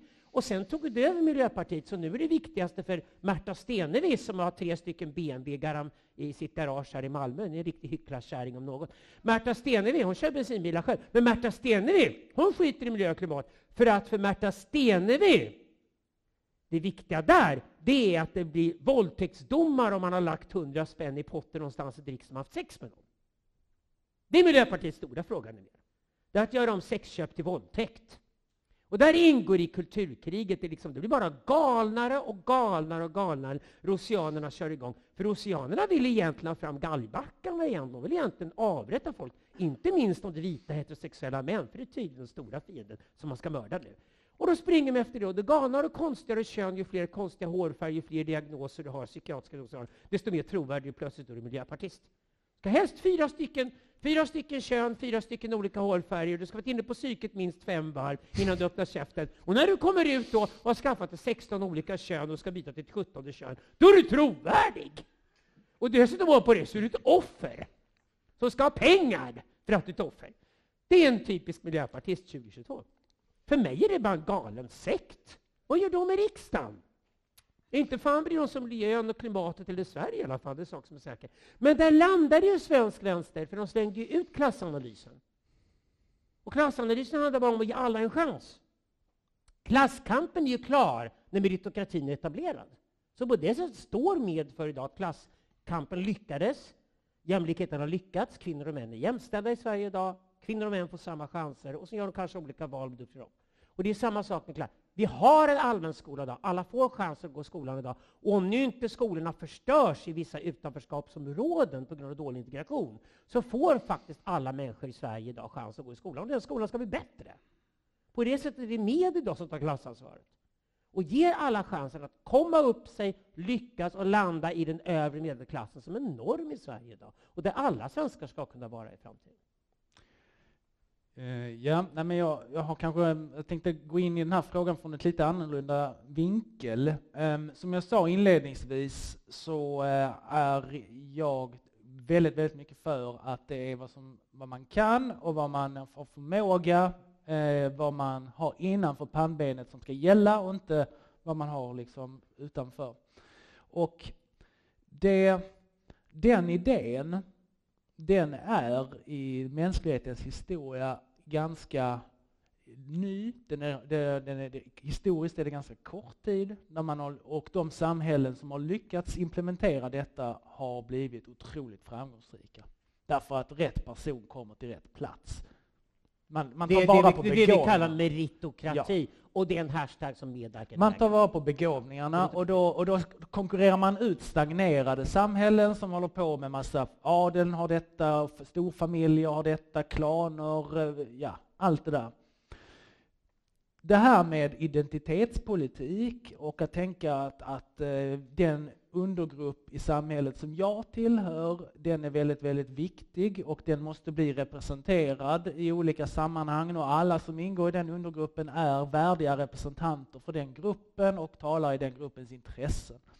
Den idén är ju lika gammal som gatan egentligen. Det är bara det att den inte är bra. Det leder inte till några framgångsrika samhällen. Man, man har ju tidigare kört med de där tankarna i olika sammanhang. Ofta har det varit familjer, det har varit sekter, det har varit klaner. Eh, så, så, att det här är liksom, det är bara en ny tappning. Och en vänster som har blivit vilsen efter att de stora ekonomiska teorierna och teorierna om hur samhället skulle vara uppbyggt eh, raserades och fick nådastöten i samband med Berlinmurens fall och östblockets sammanbrott kommer kom väl att hitta de här idéerna så småningom och plantera in dem istället. Sen håller jag med eh, Alexander väldigt mycket om den här eh, nästan sekteristiska, eller ska vi säga kvasireligiösa inslaget i det hela. Alltså, eh, Sverige är väldigt sekulärt idag. Sverige har ganska fram till 60-talet någon gång tror jag varit eh, ganska fromt lutheranskt land med, med eh, rätt så troende folk faktiskt, tro det eller ej. Och eh, tankemönstren från den här lutheranska kristendomen tror jag de kan finnas kvar och bli liksom överförda till politiken och där gör de inte riktigt samma nytta som de gör inom kristendomen. Därför att de genomgår någon slags mutationer. Och då får vi in allt det här med att, att uh, rannsaka sig själv, det är vi syndiga, jag syndiga människa. Men inom kristendomen är ju det en ganska, jag tycker det är ett sympatiskt drag inom kristendomen. Inom politiken kan det ju bli, bli liksom förödande, att man tror att det egna samhället är det värsta som finns på jorden och, och vi ska liksom bara straffa det och, liksom, och ta in allt som kommer utifrån är bra, vi är töntar. Eh, det finns massa sådana drag i det här och det här sekteristiska tankesättet att ingen kan vara liksom from nog och det som gällde igår eh, det är rasism idag och det som gällde, gäller idag kommer förmodligen vara fruktansvärt imorgon. Eh, typisk sektmentalitet. Och så kör man på och, och samhället splittras, blir mer och mer eh, stagnerar eh, och folk eh, ja, pluggar onödiga saker Eh, och vi, vi tappar i, i tillväxt och eh, konkurrenskraft i världen till slut. Jag lägger till till det att det är viktigare att lägga till, eh, säga att, att kulturkriget håller ofta på med totalt nonsens. Alltså, eh, de är besatta av tonaliteten och etiketten till exempel tilltal och sådana saker. Det är väldigt fjolligt alltihopa. Jag tycka. Och, och det är det vi reagerar mot. Vi anser att staten ska hålla på med bara kärnverksamheten och riktiga saker. Just det, det kommer därifrån staten vara någon annanstans för? Så när vi, våra skattepengar omfördelas till, går till statlig propaganda och den statliga propagandan talar om för mig hur jag måste bete mig. Det är en sak om jag väljer att gå till missionshus och bli frälst och bli kristen. Men det här handlar om en religion som utövas via statlig makt och påtvingas alla medborgare. Så vi måste enligt kulturkriget, väldigt, väldigt, det, det är väldigt auktoritärt, vi måste bete oss på vissa sätt. Och besattheten ligger i tonaliteten och etiketten. Och det vore väl okej okay om man håller på och fjolla som de sakerna om det inte kostar oss någonting. Men när det här har blivit dominerande i den akademiska världen, med dominerande offentlig sektor, och när liksom enkäterna som kommer som man alltid måste fylla i, det är en sak att det är hållbarhetsenkäter om absolut allt, fast inte har ett skit med miljö och klimat att göra. För det är byråkraterna, de hittar alltid på jävelskap så fort de får chansen, och de hittar på så mycket enkäter de bara kan. Men sen intill den enkäten som man måste göra till absolut allt i Sverige, miljödomstolen i Sverige idag, den är som mullorna i Iran. Ingenting får byggas i Sverige om inte miljödomstolen säger sitt om det. Och miljödomstolen tar minst tre år på sig innan den uttalar sig, och då kommer all säkerhet säga nej till allt. För ingen får bygga någonting för att det förstör någon liten fluga någonstans som dör man bygger det. Det är miljödomstolen. Det, det är lika fan, alltså miljödomstolen sitter lika fast där som mullorna gör i Iran eh, om moralpolitik, som miljödomstolen är vansinnigt kritisk till. Men eh, den kvasiverksamheten runt miljö och klimat som inte handlar om miljön, inte handlar om klimatet, utan handlar om massa andra jävla tramsgrejer de hittat på, som är etikettfrågor egentligen. Det är också nu överfört till nästa grej, och det är inte kön. Och då heter det jämlikhet och jämställdhet. Och det är tydligen inte tillräckligt jämställt, tillräckligt jämlikt än. Vi har fler byråkrater som håller på med jämlikhet och jämställdhet någonsin. Och i varenda grej vi gör idag så måste vi skriva en rapport efteråt Om jämställdhets och jämlikhetsaspekter har vi just gjort. Fast det är bara plockat en jävla flugsvamp. Liksom. Det, det, det, in, det, här jag gör och ska rapportera om har ingenting att göra med könsfrågor. Men könsfrågan ska alltid packas in på absolut allt. Och det skapar ett lager av merkostnader på alla aktiviteter vi gör. Massor med extraarbete. Läkare som sitter och fyller i massa papper och formulär istället för att ta hand om patienter. Det är bara ett av hundratals sådana exempel i Sverige idag. Och det är det här jag blir galen på, för det är den här hydran jag vill bli av med. Och lägg märke till hur ett samhälle som Sverige idag, det kan bli väldigt dyrt och omständligt att hålla på med fjolliga tramsgrejer. Men det är vad den här statliga apparaten gör idag med all besatt tonalitet och etikett. Och det är det kulturkriget. Det är därför kulturkriget ska kopplas till skatteupproret. De hör ihop. Tänk på det här med, med tonalitet och ordval och hur nära det ligger de religiösa begreppet hädelse. Ja? Det finns vissa ord som inte får sägas, det är liksom som en slags ond magi kring vissa ord. Va? Och det är till och med så att man får inte säga de orden när man ska prata om problemet, utan man måste hitta omskrivningar även när man pratar om problemet. Ni vet precis vad jag menar. Och det, det, det, finns ju någon form av... Det är som att man liksom så det, det, det kommer att få onda krafter att, att, att komma i rörelse. Det kommer naturligtvis också från den typen av, av eh, religiöst eller magiskt tänkande. Eh, men, eh, men jag menar ett exempel här nu från, från massan av, av märkligheter. För några veckor sedan så kom det fram att Diskrimineringsombudsmannen tydligen tycker att en skola ska bötfällas med 150 000 spänn eh, för att någon lärare har haft fräckheten att under en termin inte omnämna en elev som hen under en termins tid. Och kan vi sparka diskrimineringsombudsmannen Ja, det ska gång? vi göra. För att... fullständigt onödig byråkrat. Ja, men det, det, är liksom... det är vansinne svansen viftar på hunden i Sverige ibland, är det inte så? Alltså det, det, och det här har infiltrerat juridiken i Sverige också, för den är väldigt, väldigt... Juridiken i Sverige borde kanske ägnas åt gängkriminaliteten kan man tänka sig, men det är inte vad den gör. Juridiken ägnar sig väldigt mycket i Sverige idag åt symboliska saker och, och eh, folkstäms. Jag själv gick igenom tre stycken utredningar förra året uh, av åklagare som uh, skulle åtala mig för ord jag använt på Twitter. Och jag är ful i mun och jag är stolt över det. Det är min arbetarklassbakgrund. Jag är ful i mun. David Eberhard för övrigt håller nog med mig om att han kan bara vara med i Medborgerlig Samling. Vi är så fula mun han är, så vi kan inte vara med i något annat parti. Vi får säga vad vi vill och vi får använda vilka ord vi vill i Medborgerlig Samling. Och det får man inte i andra politiska partier. Så vi kan inte vara med någon annanstans längre. Så långt har kulturkriget kommit. Men, men, jag skulle säga att det, det här in, in, det här äter sig in från byråkrat som diskrimineringsombudsmannen som bara där borde vara sparkad. Bara den tjänsten skulle vi spara pengar på att bli av med på en gång. Och eh, det äter sig in helt enkelt även in i juridiken, så juridiken håller på med helt fel saker idag. Och det här är som är så farligt med ett samhälle tonalitet och etikett fått börja dominera, att de riktiga allvarliga frågorna som gängkriminalitet i Sverige slängs helt åt sidan, för det är ju obekvämt att driva det om man är åklagare. Man kan ju faktiskt få, man kan ju faktiskt råka illa ut. Gängen kan ju angripa när man är åklagare och ger sig på dem. Och det är klart det är mycket lättare att ta och ägna sig åt tonalitet och etikett och låtsas det är viktigt. Ja, helt rätt. Ehm, det leder lite in på den eh, sista stora frågan jag då tänkte på med eh, det juridiska systemet och eh, kanske lite också mot gängkriminaliteten. Narkotika, ehm, vad, vad tycker vi om det? Är det bra eller dåligt och vad är Meds hållning till det hela? Får jag bara säga en sak först. Narkotika finns inte. Okej? Okay? Det finns massor med olika sorters molekyler som har olika effekter på olika människor om man stoppar i sig saker. Och det är djupt tragiskt att vi blandat ihop allting och satt under ett tak som vi pratar om samma sak. Att plocka i sig amfetamin, att plocka i sig LSD och dricka en kopp kaffe är helt olika saker. Jag ska säga att till att börja med skulle jag vilja ha en helt vetenskaplig approach till allt det som kallas narkotika idag. Och det första vetenskapen skulle säga är att narkotika inte finns. Det finns, inte, det finns molekyler. De ska studeras var och en för sig för att kolla vad är det för bra effekter de kan ha, vad är det för farliga effekter de har och om det till exempel handlar om missbruk, då kan jag säga en sak som jag jobbar med missbrukare. Det är att missbruk ska betraktas som ett fenomen däremot. Och då ska man hjälpa människor att slippa vara missbrukare. Och då betyder det att det är en vårdfråga vi ska prata om. Från den missbruksfrågan du pratar om. Det finns massor med narkotiska preparat som inte går att missbruka. Och det är missbruk du pratar om. Då är det missbruksfrågan och missbrukspolitik vi ska ägna oss åt, och inte narkotikapolitik. Och Ilan, om mm. du vill formulera det lite mer i kanske formella beslut som eh, ja. med har tagit? Jo, jo. Ja, men, eh, vi, vi, har ju tagit ett beslut att avkriminalisera eget innehav för eget bruk. Mm.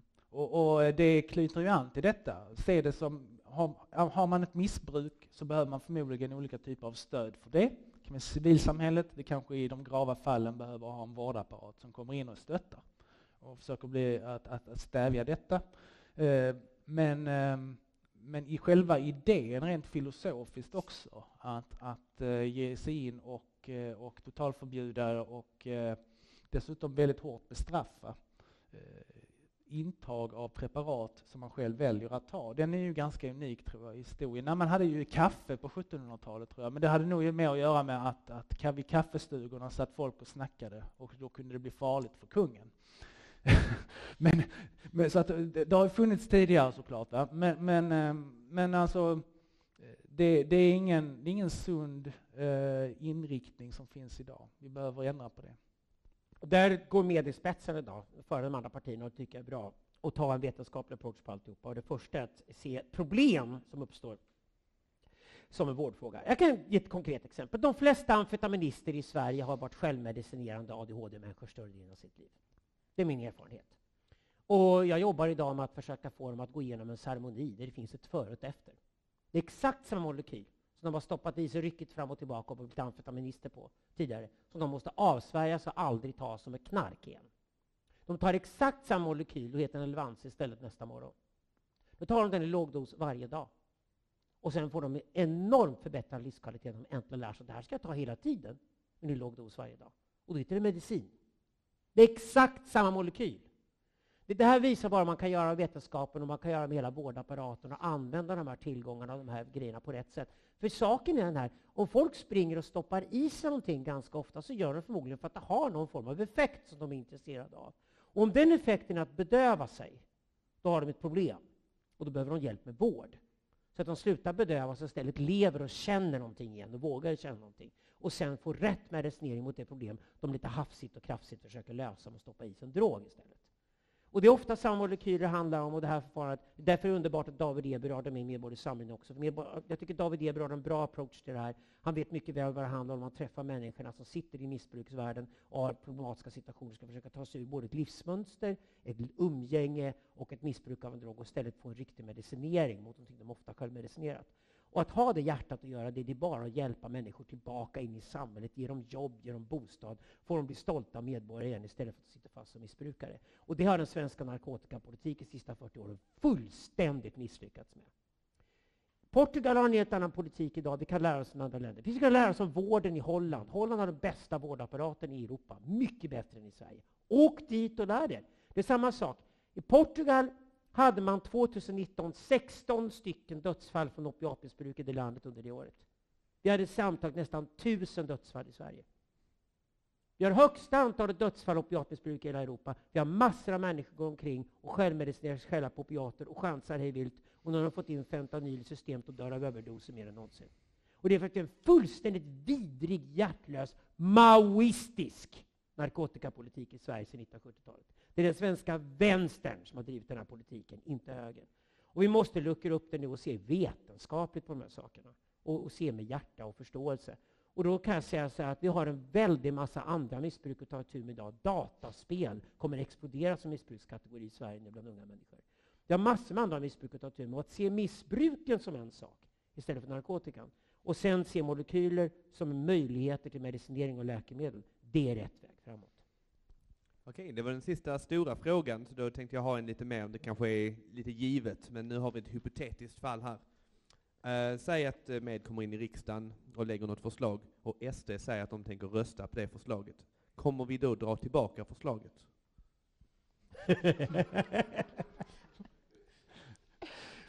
jag kan, folk skrattar, men detta har inte varit givet för alla andra borgerliga partier, så uh, jag kan inte vara med i något annat parti med Medborgerlig Samling, för det skulle inte gå. Jag skulle springa rakt in i väggen med folk och hamna i konflikt på en gång. Men ja. det här kan jag med, för jag har ingen beröringsskräck nämligen. Och det är beröringsskräcken som Annie Lööf är så stolt över, det är den som jag tycker är så fasansfull. Ni, kommer ni ihåg decemberöverenskommelsen lite grann, som Alexander var inne på i början? Eh, det stora förräderiet. Ja, man kan säga för er som är säkert en och annan som är lite yngre och som kanske var ännu yngre då och inte minns riktigt detaljerna, men för att väldigt, väldigt kort sammanfatta den så var det ju så att sex stycken riksdagspartier av åtta gick ihop. Två stycken från vänstersidan, fyra från ja, högersidan, om man ska kalla det det, alliansen i alla fall. Och då kom de fram till följande, att inom vår grupp så lovar vi dyrt och heligt att det block som är minst av oss två block, det blocket ska lägga ner sin röst om det är så att rösten riskerar att, eller, eller att förslaget som vi lägger riskerar att gå igenom. Vi tar det en gång till. Om vårt förslag riskerar att gå igenom därför att SD, möjligen vänster, men det handlade naturligtvis om Sverigedemokraterna, skulle rösta på ett förslag från Alliansen i viktiga budgetfrågor. Och så. Då lovade Alliansen att då ska vi lägga ner rösten så vi slipper detta, detta att, att bli nedsmutsad, att bli besulad av det här. Och Eh, och på det viset, och så, så skulle man, eh, avtala man med sossarna att det här ska gälla ända fram till, ja faktiskt nu till 2022 skulle det ha gällt, så om, om det hade blivit skifte 2018 så skulle, och sossarna skulle bli mindre så skulle de då göra motsvarande, kan man ju tro. Ja. Känner de inte sossarna? Jag menar, kom igen. Lägg, lägg, märke till, lägg märke till att Sverige inte är det viktiga här längre, utan nu är det skolgårdsmobbningen mm. som är viktigast. Skol, det är ungefär som fyra stycken, eller sex stycken töntar går ihop mot den nya, nya ungen som kommer in i skolklassen och ska se till att vad som än händer ska vi mobba den här ungen. Det är det enda vi bryr oss om nu. Skolgårdsmobbningen blir viktigare än Sverige. Det, därigenom anser jag också att alla de sex partierna är förbrukare förtroendemässigt. Det är allvarligt. Den, den, den stades ju upp ett par år senare, eller kanske bara ett år senare officiellt, så, så. Men, den är, men det är ju samma jäkla politiker det är ju flera av partiledarna som var med där eh, i den överenskommelsen sitter där fortfarande. Hur kunde de komma fram till att det här var en god idé? Så att, eh, och, då blir svaret på din fråga att vi, nej, jag tror vi faktiskt vi låter vårt förslag ligga så får vem som helst rösta på dem, det är så djävulen själv. Så och sen behåller vi alla våra jobb. det var det det handlade om hela tiden. Det mm. handlar bara om att behålla jobben. För både Moderaterna och Socialdemokraterna framför allt. Och det, det har handlat om hela tiden. Ja, då tror jag att jag har eh, ställt alla mina frågor, så då tänkte jag ju då rikta uppmärksamheten mot publiken. Så om det är någon här som skulle vilja ta någon fråga, ifrågasätta någonting som någon av de här herrarna har sagt, så får ni jättegärna göra det. Så det är bara att räcka upp handen så kommer jag komma runt. Eh, jag försöker hålla ordningen så i huvudet liksom, men eh, det kommer inte gå om det är mer än typ två stycken åt gången. Men jag börjar springa runt då. Så, ehm, och även om ni är online och har frågor, skriv dem i chatten så har vi en Teo här borta som kommer se till att eh, frågan blir antecknade. Eh, ja, jag tror du var först här. Hallå, eh, Per Kolmer heter jag. jag håller på att utveckla den communitybaserade nyhetsappen Newsplitter som ska lösa problemen med filterbubblor och fake news. Men eh, jag har en fråga. Jag är väldigt intresserad av secession och lite grann hänger samman med kommunalt självstyre. Vilken är liksom grundnivån av kommunalt självstyre som man kan ha för att det ändå ska vara en stat? Skulle man kunna ha liksom dödsstraff i en kommun till exempel? Utan, eller en annan kommun helt utan socialbidrag? Finns det någon miniminivå på kommunalt självstyre? Vi får väl se vad som händer när våra kommuner blir större och starkare, för det var med tänker driva igenom. Ja, för mig är det en väldigt enkel fråga. Det är människorelaterat till politikern. Så att, um, kommunen är för mig en plats där politikern och väljaren känner varandra. Du kan gå fram till politikern på gatan och säga hej till dem och de bor i samma, samma stad, samma kommun. Alltså att kom, kom, kommun är starkt för mig, det är att det finns ett personligt band mellan politikern och väljaren. Den storleken kommunen har, då kan kommunerna vara större än de är i Sverige idag för att också vara hållbara och bli starkare. Och då ska kommuner också stå starka mot staten. Staten däremot är mer abstrakt, ett gemensamt språk som jag anser är det fundamentala för en nation. Att man pratar samma språk, man har samma nyhetsflöde, man kan dela världsbilder och sådana saker. Och det tycker jag är en stat som kan fungera i sådana fall. Så för mig är stat och kommun två intressanta saker och landsting blir ju bara kvar någonstans däremellan. Och så fick landstinget ta hand om lite bökigare saker som det är för dyrt för kommunerna, som ofta vårdapparaten och länstrafiken handlar på landsting. Men det fanns ingen ideologisk plan till varför skulle landstinget tagit till Sverige. Jag tycker det är extremt uppfriskat med att våga gå in och döda, döda landstingen helt enkelt. Och så är det en sak till som är viktig i det här. Och det är också att medel mot att vi betalar, eh, att våra skattepengar går raka vägen till EU. Och där är det väldigt viktigt, något som hände under coronaperioden här, var att vi fick direktbeskattning till, till Bryssel. Det ska bort. Vi ska absolut inte betala skatter till Bryssel. Ska vi bli av med landstingen så ska vi ha en mindre, ett mindre lager betala skatt till.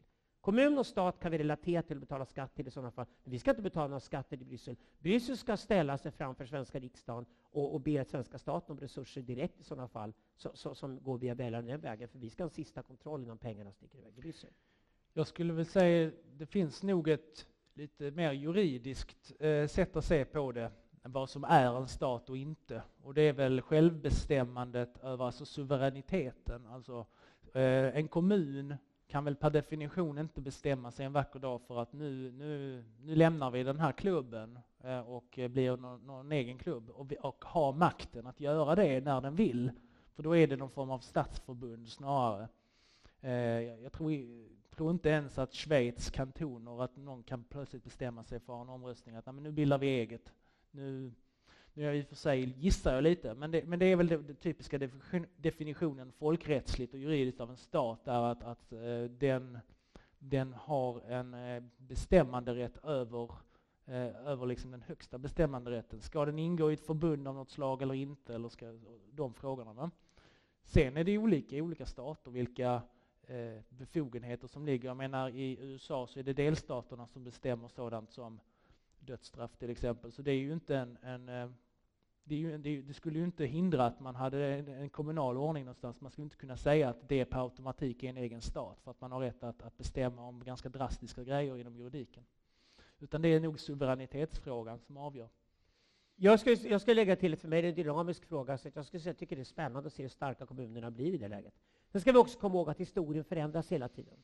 Nationalstaten hittade man på i Europa på 1800-talet. Det var en vinnande modell som vi exporterade till resten av världen. Och när vi gjorde oss av med kolonierna i Afrika och de befriades så, så lånade vår modell. Den visade sig fortfarande vara den bästa modellen man kan hitta. Och de bästa nationalstaterna är de där man känner en samhörighet via språket. De funkar bäst helt enkelt, annars får de interna konflikter.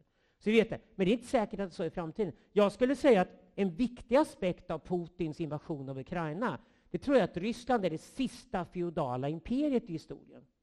Och jag tror också att det är stor risk att Ryssland rasar ihop när Putin försvinner. Jag tror inte Ryssland har egentligen ett demokratiskt mandat över sina 144 miljoner invånare som håller i längden. Och det är därför jag anser att Kina och Ryssland är väldigt instabila system idag. Farliga system för världspolitiken. För att den sortens imperier som Kina och Ryssland är, är inte framtiden. Framtiden nu, intressant nog, det är att teknologin blir global. Jag har skrivit en bok som heter Globala imperiet som handlar om det. Men vi människor i vår relation till andra människor blir mer lokala. Det betyder att den riktiga framgångsmodellen i världen idag är stadsstaten. Dubai, Singapore, små länder som Israel klarar sig utmärkt idag. Jag har jobbat själv med Estland och Slovenien. Jag tror den sortens länder klarar sig bättre. Taiwan kommer klara sig bättre än kommunistkina i framtiden. Det vill säga små stater med tajt sammanhållning som använder sig av teknologi och världshandel för global kommunikation och optimerar sina värden och sen specialiserar sig på någonting man är väldigt duktiga på att göra, vilket till exempel svensk exportindustri gör. Vi hittar några få grejer vi specialiserar oss på, men där är vi världsledande och det är skitbra för svensk ekonomi. Det är en modell som håller. Sverige är inte så långt borta från det, för vi är trots allt bara 10 miljoner med ganska mycket yta att ha kul på. Och sen är vi Stockholm, och sen är vi Malmö, Göteborg, Sundsvall och andra städer som väger emot det. Det systemet kan säkert hålla rätt länge till och vara bra. Men jag tycker just nu att det är mycket, mycket roligare och mer spännande att jobba i Estland, som är Tallinn med lite landsbygd. För Estland slipper dra med massa dyr landsbygd som det faktiskt är idag och istället en väldigt kostnadseffektiv ekonomi med platsskatt och andra saker också, som förmodligen kommer blåsa förbi Sverige och bli ett rikare land än Sverige ganska snart. Nu. Så stadsstaternas framtid är ju också intressant ur perspektivet att större, starkare kommuner kan också då mycket väl med modell bli starkare än vad till och med vi har tänkt oss. Men det är en dynamisk fråga i framtiden. Att för all framtid låsa in att så här mycket makt ska staten ha, så mycket makt ska kommunen ha och så mycket makt ska EU ha. Det tror inte jag på alls. Jag tror det är dynamiska förhållanden är en kontinuerlig demokratisk process bestämmer makten hamnar. Men ett första steg om det, det är vem som får beskatta vem. Och att ta bort EUs direktbeskattningar som de har smugit in under coronaperioden, det tror jag är en viktig fråga som ED absolut ska slås för. Så om eh, Medborgerlig Samling får makten över Sverige om 20 år, skulle ni tillåta kommunalt självstyre? Nej, det kommer gå fortare än 20 år. Okay, ja, ja.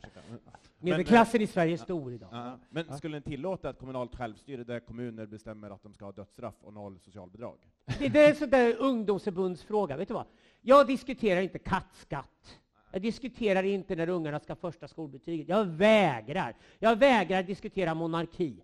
Skitfrågor, bagatellfrågor, symbolfrågor i kanten. Typiskt sånt som vänsterpartister älskar att gegga levigt miljöpartister. För det har inte med viktiga saker att göra. Jag vill debattera de viktiga sakerna i Sverige som verkligen betyder någonting. Och det är exakt hur mycket av din plånbok svenska staten snor från dig och sen hånar dem och kastar ansiktet på dig och kallar bidrag. Det vill jag diskutera, för det är mycket mer på riktigt än att hålla på och diskutera dödsstraff i svenska kommuner. Vi får se om Mariestad lyckas införa dödsstraff. Det vore kul om de försöker i alla fall. Låt dem testa. Ja. Ja. Ja. Väldigt kort. Nej, alltså det, naturligtvis finns det en grundlag med vissa, vissa bestämmelser. Jag är för ett, ett eh, ska jag säga så här, jag tycker att de eh, områdena som kommunerna har, där bör kommunernas självbestämmande vara större än idag. Idag har ju kommunerna blivit i väldigt hög grad statens förvaltningsorgan. Eh, den största enskilda utgiftsposten i statsbudgeten är alltså bidrag till kommuner och regioner. Så staten skjuter in pengar dit och staten skickar dit en jädra massa regleringar, lagstiftning och så vidare och säger verkställ vår politik. Och sen så har man val samtidigt på alla nivåer så svenskar har inte koll på vad som eh, bestäms var. Vi borde ha skilda valdagar, vi borde ha kommunala, vi borde ha borgmästare i kommuner. Vi skulle kunna testa att man har direktval, som man har i de flesta anständiga länder, till borgmästare på den kommunala nivån för att bryta upp den här partikartellen och göra det mera eh, förbättra det lokala, för där betyder just personer så oerhört mycket mer än ideologier ofta. Och det här var inte Medborgerlig Samling från början, jag kan säga, med sedan decemberöverenskommelsen. Eh, från början är Medborgerlig Samling väldigt intresserad av ideologi och framförallt vad händer om vi får ett borgerligt Sverige? Temat för kvällen. Vad händer om Sverige var ett borgerligt land? Vad händer om Sverige var ett liberalkonservativt land? Där grundlag till exempel är den konservativa aspekten av det. Ett broms i lagstiftningen som man inte kan ändra lagar fort. Skitbra grej. Det är Libcon, typiskt Libcon. Men jag tror Medborgerlig Samlings break kommer komma via kommunerna eftersom partiet har jobbat ut en så grundlig politik om stora starka kommuner som ska hålla i Sverige och skrota landstingen. Och det tror jag många kommunalpolitiker kommer gilla. Och får man några enstaka karismatiska figurer i några kommuner, då kommer det vara Meds stora framgång. Framförallt tror jag 2022. Det första genombrottet Med kommer göra, det kommer vara i kommunalpolitiken. Och det var inte tanken från början. Det är en konsekvens av bra genomfört och genomtänkt ideologi, skulle jag säga. Hej, Anders Karlius. Eh, frågan egentligen är på två dimensioner. Först är det så att du får ju självklart egen majoritet, inte om, inte om 20 år, utan i, i oktober nästa år, eller, eller detta året. Eh, de 100 första dagarna, vad är det du genomför då som gör att det är en stor skillnad? Och hur blir vi då Schweiz om 20 år? Vad man gör de 100 första dagarna?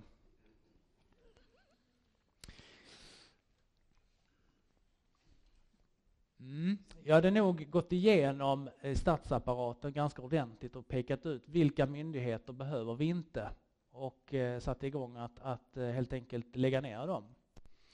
Um, så det hade nog varit prioritet ett faktiskt. Uh, en hel del av de reformer som vi håller på med uh, och som vi förordar, det tar ju lite längre tid att implementera. Uh, men just den reformen tror jag man kan gå ganska snabbt tillväga med. Ehm, så att det, det, skulle nog vara det som är fokus ett. Fokus två, det handlar också om statsapparaten då, det är ju att eh, eh, gå igenom den utifrån och in och sätta stopp för all identitetspolitik. Kartlägga, jag hade gett en kommission i uppdrag att ni får ja, två månader på er, återkom med en rapport. Vad ska vi göra för att se till att det är meriter som räknas i Sverige och inte eh, jämställdhetsintegrering och allt vad det nu kallas med fina ord, men som egentligen bara handlar om kvotering överallt. Och överallt där det finns bidrag som går till detta, där det finns eh, regleringsbrev till myndigheter som säger att de ska göra ditten och datten, då ändrar vi på det, bums. Det kan vi göra på 100 dagar också. Det är de två grejerna tror jag som jag hade prioriterat först. Sen finns det en hel del annat. Sen var nästa fråga om 20 år. Schweiz. Har den ställt till mig eller till... Ja. Uh, vad som ska få oss att närma oss Schweiz, eller?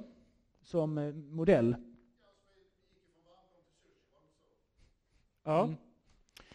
Mm. Uh, jo, vi har ju det här med en kommunalreform förstås, för att få uh, mer självstyre i kommunerna över de områden som kommunerna bör hantera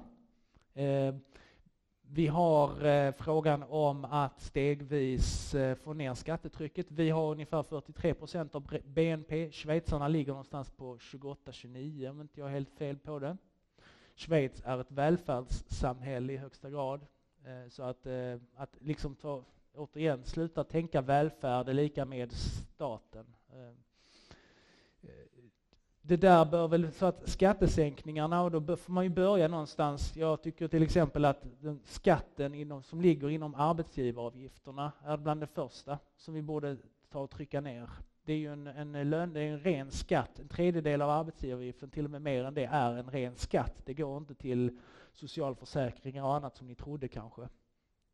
Löneavgift kallas det. Man kallar det inte ens för skatt, men det är en skatt. Där bör vi ta och, och se till att ta bort en, en hel del. Um, vi har demokratireformerna som vi har på agendan. Bort med partistöden. Bort med dem bara. Varför ska, varför ska politiska partier hålla på och mjölka bidrag från staten bara för att de inte har medlemmar som betalar medlemsavgift? Eller folk som vill, är beredda att donera till deras politik. Ja, men vad bra idé. Vi bör mjölka statsapparaten på partistöd. Det kan vi ta bort. Det infördes på 60-talet när partierna började minska i stöd och har bara ökat och ökat ju färre medlemmar partierna har. Folkomröstningar skulle man kunna ha tvingande i kommunerna betydligt mer. Idag kan politikerna strunta högaktningsfullt att ens besluta om att det ska vara en folkomröstning trots att de flesta vill ha det. Eh, vi har eh, ökade personliga eh, deltagandet i, i politiken genom att, eller ökade liksom personvalsinslaget, bort med procentspärrar. Jag nämnde innan kommunala borgmästare som ett förslag. Ehm, jag nämnde skilda valdagar tidigare. Jag tycker att revisionen blir ju desto viktigare. Ju mer självständiga kommunerna blir, ju viktigare är det såklart att det finns ett revisionsinstitut som kollar det hela och ger bra revisionsrapporter. Tjänstemannaansvaret också. Tjänstemannaansvaret. Det är en jättestor fråga. Idag är, vet ni att revisionen inom kommunerna idag, det är nämnd i kommunen själv. Så kommunen, visserligen tar man ju hjälp av, av externa, men kommunrevisionen är en nämnd i kommunen. Så där sitter ju gamla kommunpolitiker, ofta sådana som har suttit ganska länge, i något som kallas för kommunrevisionen och reviderar sina egna kompisar. Det där borde ju vara en fristående eh, variant istället. Kanske en statlig myndighet, något liknande, kanske någon stiftelse. Man borde kanske tänka lite annorlunda än att bara allting som ska vara fritt från kommunerna ska vara staten. Så ehm, mm, där hade vi några du får gärna komma till Malmö imorgon, för ska vi prata mer om med imorgon, jag och Ilan. Ja. Eh, men nu ska vi försöka gå tillbaka till ämnet också. Vi har några frågor där nere också, va? Det, eh, ja, vi, ja, det är flera som viftat där. Jag, jag håller koll på ordningen. Vi ja. har några frågor från eh, online, så Theo ska ställa dem här. Yes, här har vi en från eh, Anders Wallberg som eh, undrar, kan ni ta lite bakgrund till Meds ställning till NATO-anslutning? Eh, jag vet att det står i partiprogrammet, men det vore intressant med lite bakgrund och gärna personlig reflektion. Ja, för att inte gå in allt för mycket på det. Vi, vi, det Ulf Kristersson sitter och desperat och kopierar rakt av snott från med. Eh, jag personligen anser att vi ska inte låta de baltiska länderna ensamt ta försvaret mot, mot, mot Ryssland som leds av Putin idag, som spär mot oss medan vi sitter och latar oss, har låg försvarsbudget och låter balterna ta smällen. Det är helt oschysst helt enkelt. Men jag tror också att medlemskap där kommer vi kommer förmodligen söka tillsammans med Finland och göra samtidigt. Tror det är ganska logiskt. Och det är väl en av konsekvenserna efter Putins krig i Ukraina, att han kommer floppa så lokalt så fler länder går med i NATO. Det är ganska rimligt. Jag tror en allmän upprustning är det viktiga, men jag tror också det i kombination med NATO som faktiskt i stort är nästan en alleuropeisk organisation nu. Och dessutom, eh, det är ju i huvudsak, alltså NATOs viktigaste regel är ju en försvarsartikel. Eh, många tänker att men NATO har gjort ditt, jag har sett rätt mycket i debatten, NATO har bombat där, NATO har gjort det. Det stämmer ju inte. Det är ju så att enskilda NATO-länder har ju naturligtvis gjort interventioner i Libyen, i Irak och liknande. Och då använder man naturligtvis de befälsstrukturer och de, de, eh, de ordningar och den kommunikation som finns om det är NATO-länder som gör det. Men det är ju inte NATO som organisation. NATO som total organisation med samtliga medlemsländer aktiveras den dagen det sker ett väpnat angrepp på en av medlemsländerna. Hej. Och så har vi en fråga från eh, Hans Gartner också som undrar hur skulle ett regeringsförslag se ut för er? Det där går inte att svara på. Det, det, det, det är inte där vi är just nu. Det är ett aktuellt läge då. Eh, om Medborgerlig Samling kommer i riksdagen och skulle vara med i ett regeringsunderlag, det, är- det är då det är aktuellt. Men vi har ingen beröringsskräck. Nej, Det är det, viktigaste av alltihop. Där det- skiljer oss från Annie Lööf redan Mm. där. Så. Det är klart, jag kan, jag kan, ju, räkna, alla. jag kan ju räkna ut att vissa partier är väl mer lågoddsare och andra är lite mer osannolika kanske, eh, med, med tanke på vad man tycker i olika frågor. Men det är dumt att utesluta någonting på förhand. Jag tänker att har vi en parlamentarisk demokrati så ska vi försöka få så stort inflytande som möjligt för vår politik och sen hitta samarbeten. Och naturligtvis kan jag ju se att eh, men, eh, Moderaterna, KD, i viss mån Sverigedemokraterna, säkert Liberalerna i en del frågor, den, den sidan har De vi finns inte kvar i har väl, ja, om de är kvar. De är säkert inte kvar. Men, men, men vi har ju mer gemensamt där i, i hög grad än, än vi har med vänstersidan. Det kan jag ju räkna ut. Ju. Men, men eh, i övrigt så tycker jag det är dumt att eh, säga så här ska det vara och så här får det absolut inte vara. Ja, här nere mina frågor. Hej. Eh, jo, ni pratar om att... Eh, lite närmare, hör ni mig? Ja. Eh, och, om att eh, minska på skatten, alltså minska på det som politikerna tar och som de sen vill... tack. Som de sen ska dela ut i bidrag och så. Och penningexpansion är ju som en form av skatt. Hade ni förbjudit eller tagit bort möjligheten för penningexpansion? Jag vet inte riktigt vad du menar med det, för penningmängden i en ekonomi kan både växa och, och, eh, Ja, och penning, krympa samtidigt. Det beror Ja. på var du är någonstans. Ja, penningexpansion är alltså att man trycker mer pengar som staten då får, får Trycker man mer pengar får man förr eller senare inflation. Det märker du just nu i ekonomin. Man har gjort man har tryckt pengar längre, då får man inflation. Så det, det följer av på det. Det är bara ansvarslöshet i sådana fall att göra det.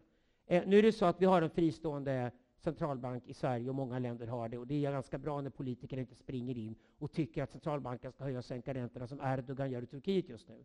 Jag har bott i Istanbul förut. Han håller på att ruinera Turkiet fullständigt och lägga sig i centralbanken. Ibland är det bara bäst att vissa myndigheter gör det de ska göra och utför sitt jobb. Och det i sådana fall håller inflationstrycket på en viss nivå. Om du är, är minsta rädd för att svenska kronan ska inflateras så mycket och vi sitter i regeringen, köp lite guld eller en schweizerfranc eller en bitcoin eller vad fan du vill för någonting. Det har vi inga problem med i sådana fall att du gör det. För det kan ju förstå att man vill säkra upp sina tillgångar. Men jag skulle säga att en diskussion här idag om penningexpansion, det är en nationalekonomisk fråga. Då ska vi i en nationalekonomisk scenario prata om det, men vi behöver inte nödvändigtvis prata om det just nu. Okej. Det är inte så att det inte finns en konkurrerande valutamarknad, det gör det. Till alla bitcoinfantaster brukar jag alltid påpeka för dem, ni har kunnat köpa schweizerfranc de sista 50 åren, det blir aldrig inflation i den valutan. Schweizarna kommer aldrig tillåta det. Så de kommer trycka mindre pengar med en gång. Så det är ett säkert sätt att säkra som man vill göra det. Vi har fått ännu en fråga från webben. Vad är synen på de nya bränsleprishöjningarna från LS Baban? Ja, det är det priset vi får eh, för att vi har den marknad vi har, och den marknad på olja och diesel, så det betyder att då åker priserna upp. Det är ju så att vi har väldigt höga bränsleskatter lagda på det, och Magda är väldigt beroende av sina skatteinkomster för att hålla igång jobben åt sina kompisar. Så att Magda vill inte sänka de skatterna, det är väl ganska typiskt. Så att det, återigen har du problem med höga skatter, och det är höga skatter som slår igenom hårt, och soppan kostar 22 kronor litern. Eh, det, det, det är inte, att hålla på och böka upp och ner med priserna, det är ungefär som när sossarna springer och ska dela ut elbidrag när elpriserna drar igång. Då ska du istället ställa den generella frågan var ska skattetrycket ligga någonstans i bränsleekonomin och vad är poängen med energitillförseln? Nummer ett, att vi måste ha massor med billig hållbar el. Hela vårt system bygger på det. Hela vårt välstånd bygger på det. Det bygger på att det finns pålitlig, billig el tillgänglig hela tiden. Och klimatomställningen kommer kräva det dessutom. Och då måste det vara första frågan, istället för att springa och jaga bensinpriser hit och dit som politikerna ska försöka möta. För att göra då dagens bränslepriser till en politisk fråga är typiskt Magda-fråga att göra. Jag skulle underkänna den frågan från början. Om bensinpriserna är höga då, därför att du valt fel politiker till att börja med, släng ut Magda och Ulf i sådana fall och välj oss då, så vi till att börja med har en energipolitik som är hållbar. Bättre att tänka så. Det finns ju en generell inställning till exempel till att vi, vi har tagit beslut om att man ska inte ha moms på skatt. Det har man ju idag på, på bränsle till exempel. Eh, så att redan där så skulle ju, skulle ju beskattningen minska. Jag tycker att skattetrycket är, är för högt eh, som det är nu, men det är en generell fråga. Däremot att gå in och precis detaljsubventionera när det är högt och så vidare, det, det ska politiker akta sig för. Däremot är en sak som är säker, det är att Ulf och Magda vill båda döda svensk landsbygd, för det lider alltid mest när bränslepriserna åker upp. Och de har alltid skit i svenska landsbygd, det gör både Ulf och Magda. De är inga storstadspolitiker, det är inte uppenbart. Sådär, tjena. Eh, Axel heter jag. Eh, någonting som har varit återkommande under det här samtalet har ändå varit att ni strävar efter något som liksom liknar ett merit, eh, meritokratiskt eh, samhälle. Men samtidigt så pratar ni till exempel om att eh, eh, avskaffa diskrimineringsombudsmannen. Så min fråga blir, hur ska ni säkerställa att samhället är meritokratiskt om ni samtidigt tar bort möjligheterna att eh, liksom, kolla efter diskriminering eller att Jo, jag förstår frågan och så här. Diskrimineringsombudsmannen är en myndighet som eh, har en, fått en väldigt aktivistisk agenda och driver sådana här eh, mål eh, mot, och sen så skickar man pengar till eh, någonting som heter eh, vad kallas det? Jo, lokala antidiskrimineringsbyråer. Eh, Finns det det, det fin, ja, ja, det finns ett, ett dussin sådana. Det är ideella föreningar som har en gräddfil in i regeringskansliet där de får pengar, där de bland annat, och det var ett fall i, som jag följde lite, där de var en frisör som blev stämd för att han ville ta mer betalt av en kryllhårig kvinna för han skulle klippa henne. Nu var ju hon svart och då betyder det då att det var diskriminering och han sa men jag kan ju inte, det tar ju otroligt mycket mer tid att klippa den här kalufsen. Så jag kan inte ha det här låga drop-in lunchpriset på henne. Och då blir han stämd av statliga pengar. Han har ingen juridisk hjälp att försvara sig själv därför att det var 20 000 kronor och då har man inte möjlighet att få ersättning från sin rättsskyddsförsäkring. Så, att, så här funkar det. Det är ett exempel på hur myndighetsaktivism går till. Men vi ska ju naturligtvis ha en diskrimineringslag, det är ju någonting annat. Eller en antidiskrimineringslagstiftning kan man ha. Staten ska vara strängt meritokratisk, kommuner ska vara det också. Eh, man kan filosofera lite hur man ska göra det privata näringslivet, om det är bättre att låta folk bestämma själva eller om man ska, den ska gälla där tills vidare. Men vår linje är än så länge i alla fall att det är en, en lag som skyddar, precis som an, annan lagstiftning inom området. Men då kan ju enskilda vända sig till en jurist eller advokat och säga det här har hänt, jag borde ha rätt till skadestånd, inte sant? Och så tittar man på det, precis som vilken, vilket fall som helst. Där enskilda går till, till en byrå, privata byråer och säger men titta här, eh, här, jag har drabbats av detta. Det, så att man, det är ingen statlig myndighet som, som håller på och leker aktivist. Det är skillnaden. Så vi behöver ingen myndighet för detta. Hallå. Eh, superkul att vara här och lyssna på er. Men eh, jag undrar lite hur ni ställer er i sjukvården. Eh, Schweiz till exempel, jag har släktingar där och de, en familj på tre så tror jag de betalar typ tusen franc i månaden sådär. Eh, ser ni liksom privatisering eller hur, hur ställer ni er där? Mm. Personligen tycker jag att Holland har det bästa systemet i EU. De åker dit och lära sig. Ungefär som folk frågar med sexköpslagen. Den vill ju med skrota. Det ska, det, den är helt meningslös. Den är helt vansinnig. Eh, sexköpslagen, eh, det, finns en, det finns en modell i Nya Zeeland som sexarbetare runt hela världen är överens om funkar utmärkt för dem. Det är inte de stora eh, koppleriverksamheterna som tyskarna har drabbats av, utan det, det är väldigt mycket egenföretagarmodell, och den modellen funkar utmärkt. Jag tycker överlag att man kan idag åka runt i världen och kolla och se vem fan har ett system som funkar bra. Det holländska systemet bygger på försäkringar hela vägen, det är heltäckande för alla samhällsmedborgarna och det funkar utmärkt. Det är både billigare, effektivare och bättre än det svenska. Så för mig är det en fråga om att åka till det land i sådana fall som redan gör någonting som kulturellt ska vara ganska lätt att genomföra i Sverige, så låna modellen. Det är det enklaste svaret skulle jag säga. Den, den linje vi har tagit i sjukvårdspolitiken hittills, det är att, att eh, ett, eh, se till att det blir fri etableringsrätt till för vårdgivare, givetvis under eh, IVO eller motsvarande tillsynsmyndighet för att kolla kvaliteten och sådär. Men det är det ena. Det andra, då, lägg ner regionerna, regionerna som sjukvårdshuvudmän. Har vi stora universitetssjukhus så kan rimligen staten ta det. Eh, har vi mindre sjukhus, regionala sjukhus, kan vara andra verksamhetsformer. Det kan vara stiftelser, det kan vara kommuner som går ihop, det kan vara olika varianter, det kan vara företag för den delen också.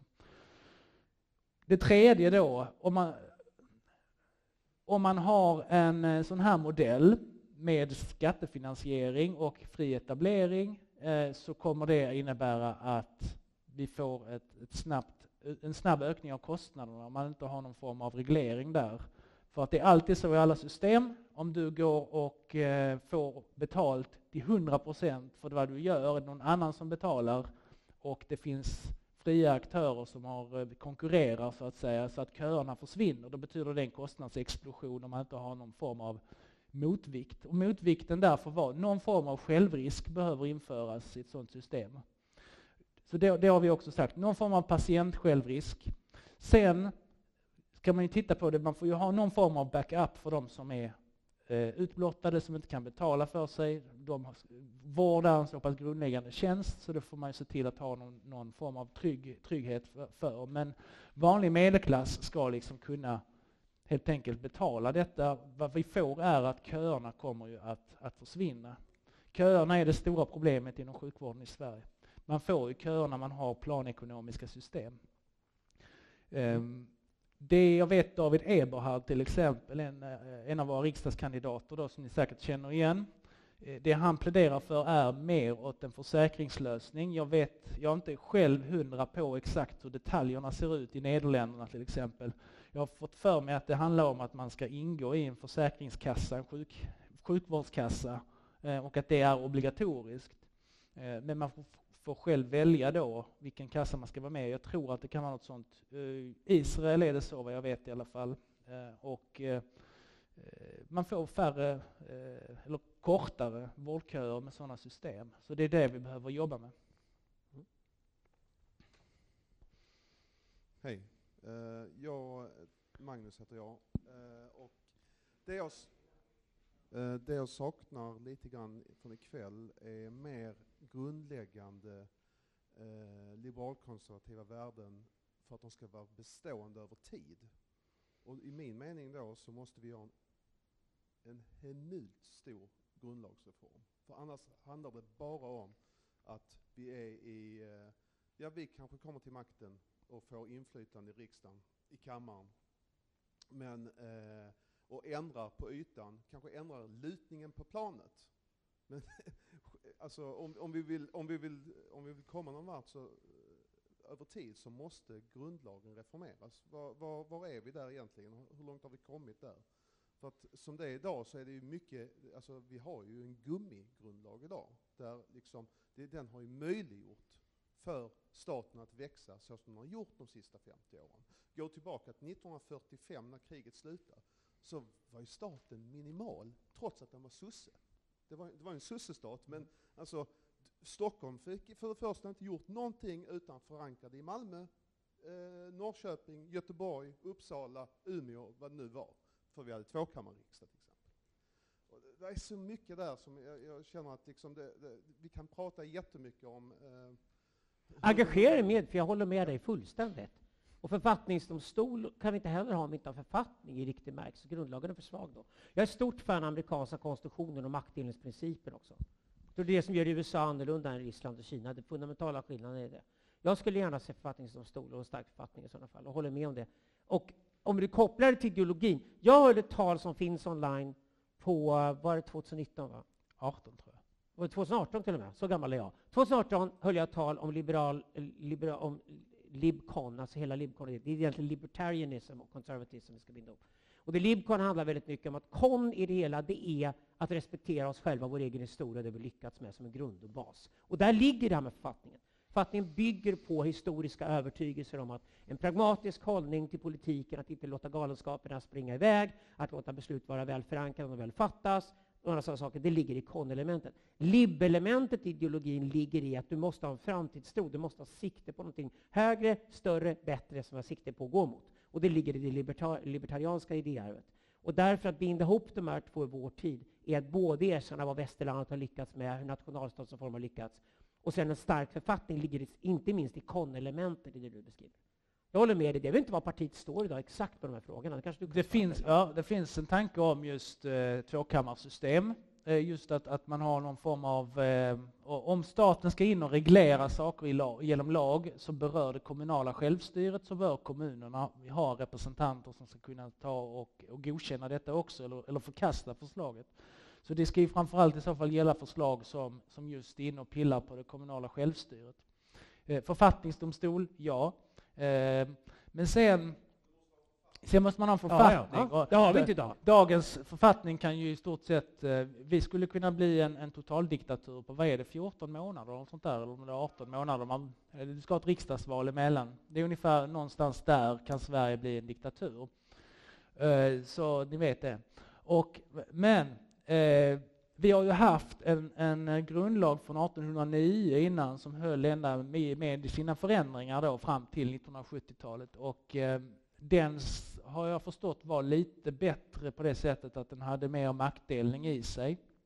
Så den kan man ju kika mer på. Eh, jag tycker de konstitutionella frågorna är väldigt intressanta. Eh, jag vill bara då ha en liten brasklapp för att alltså, grundlag är ju sin sak, men hur, hur eh, grundlagen har, vad den har för ställning i samhället, hur man ser på det, lagen överhuvudtaget, det kan man ju liksom inte riktigt mana fram. Sverige blir ju aldrig ett USA. Eh, Sverige har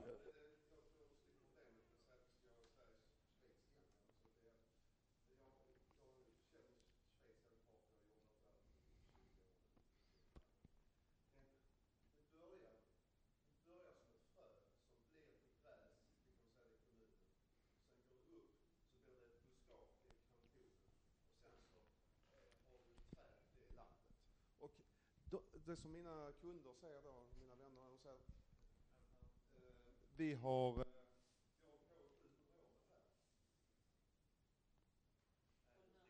Ja, men bara för... Uh, ja. ja. ja. Mm.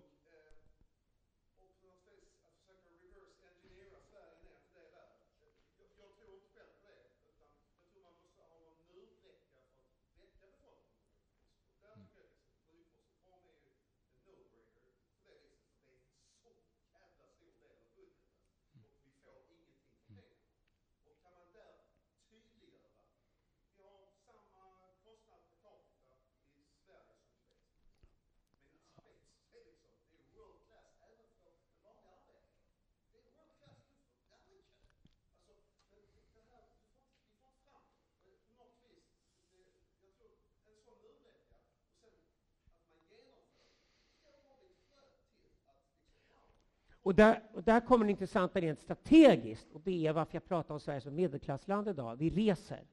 Vi vet mycket mer om omvärlden. Internet gör också att vi får många fler nyhetsflöden, och får in dem i Sverige också.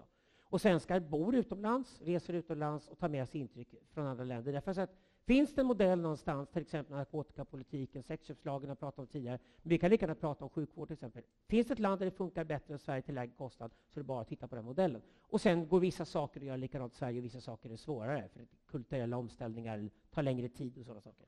Det, det är det som är intressant. Jag håller med. Men författningsdomstolen är no-brainer och det är min meds, idéer. Och jag tror helt enkelt att vi återigen pratar om historiskt att Orsaken till att vi har en så svag grundlag egentligen i Sverige, att det inte är så lätt att ändra, det var att Sverige var inställt på att kronan skulle gå till krig mot andra länder, och då skulle kronan, när kronan vill kunna gå i krig, då vill kronan kunna beskatta befolkningen till 100 procent och styra om alla resurser till krigföringen, och då måste man agera väldigt, väldigt fort. Och det är så Sverige har varit, in, det är Sverige har varit byggt så tidigare, och det tycker jag är en förlegad modell som vi inte behöver ha längre. Men jag håller med, är idag, ja. vi, har ett välutbildat medelklassland idag. Jag, jag, jag, håller, jag håller med om att, att vi behöver ju bygga på någonting som är, är liksom, knyter an till hur svenskar är funtade i någon mening. Eh, men, men man kan ju titta tillbaka i historien. Um, ni vet de här nämnderna som sitter i domstolar som består av avdankade politiker som, som sitter och somnar när det är huvudförhandling. De nämnderna um, de är inte från början någon, någon form av, av, av eh, liksom så här partiväsende som de är idag. De härrör ända, om inte jag minns min rättshistoria fel, så är det alltså tillbaka till 1600-talet. Eh, därför att man skulle ha in lekmän i dömandet. Det skulle vara att jämlikar dömer jämlikar. Vi ska inte, det här är inte en angelägenhet för kungen enbart, utan det här är en angelägenhet för oss i socknen eller i häradet, på häradstinget. Jag tänker att Norden i stort, och då Sverige i synnerhet, har stolta traditioner långt tillbaka i tiden av en slags folkligt deltagande ändå i det lokala styret. Eh, det är bara det att partiväsendet och eh, staten har delvis liksom eh, usurperat det här från olika håll. Så att eh, om vi kan titta tillbaka, komma tillbaka lite till den andan, titta på, vi har ju haft en grundlag tidigare där vi faktiskt har haft ett tvåkammarsystem till exempel.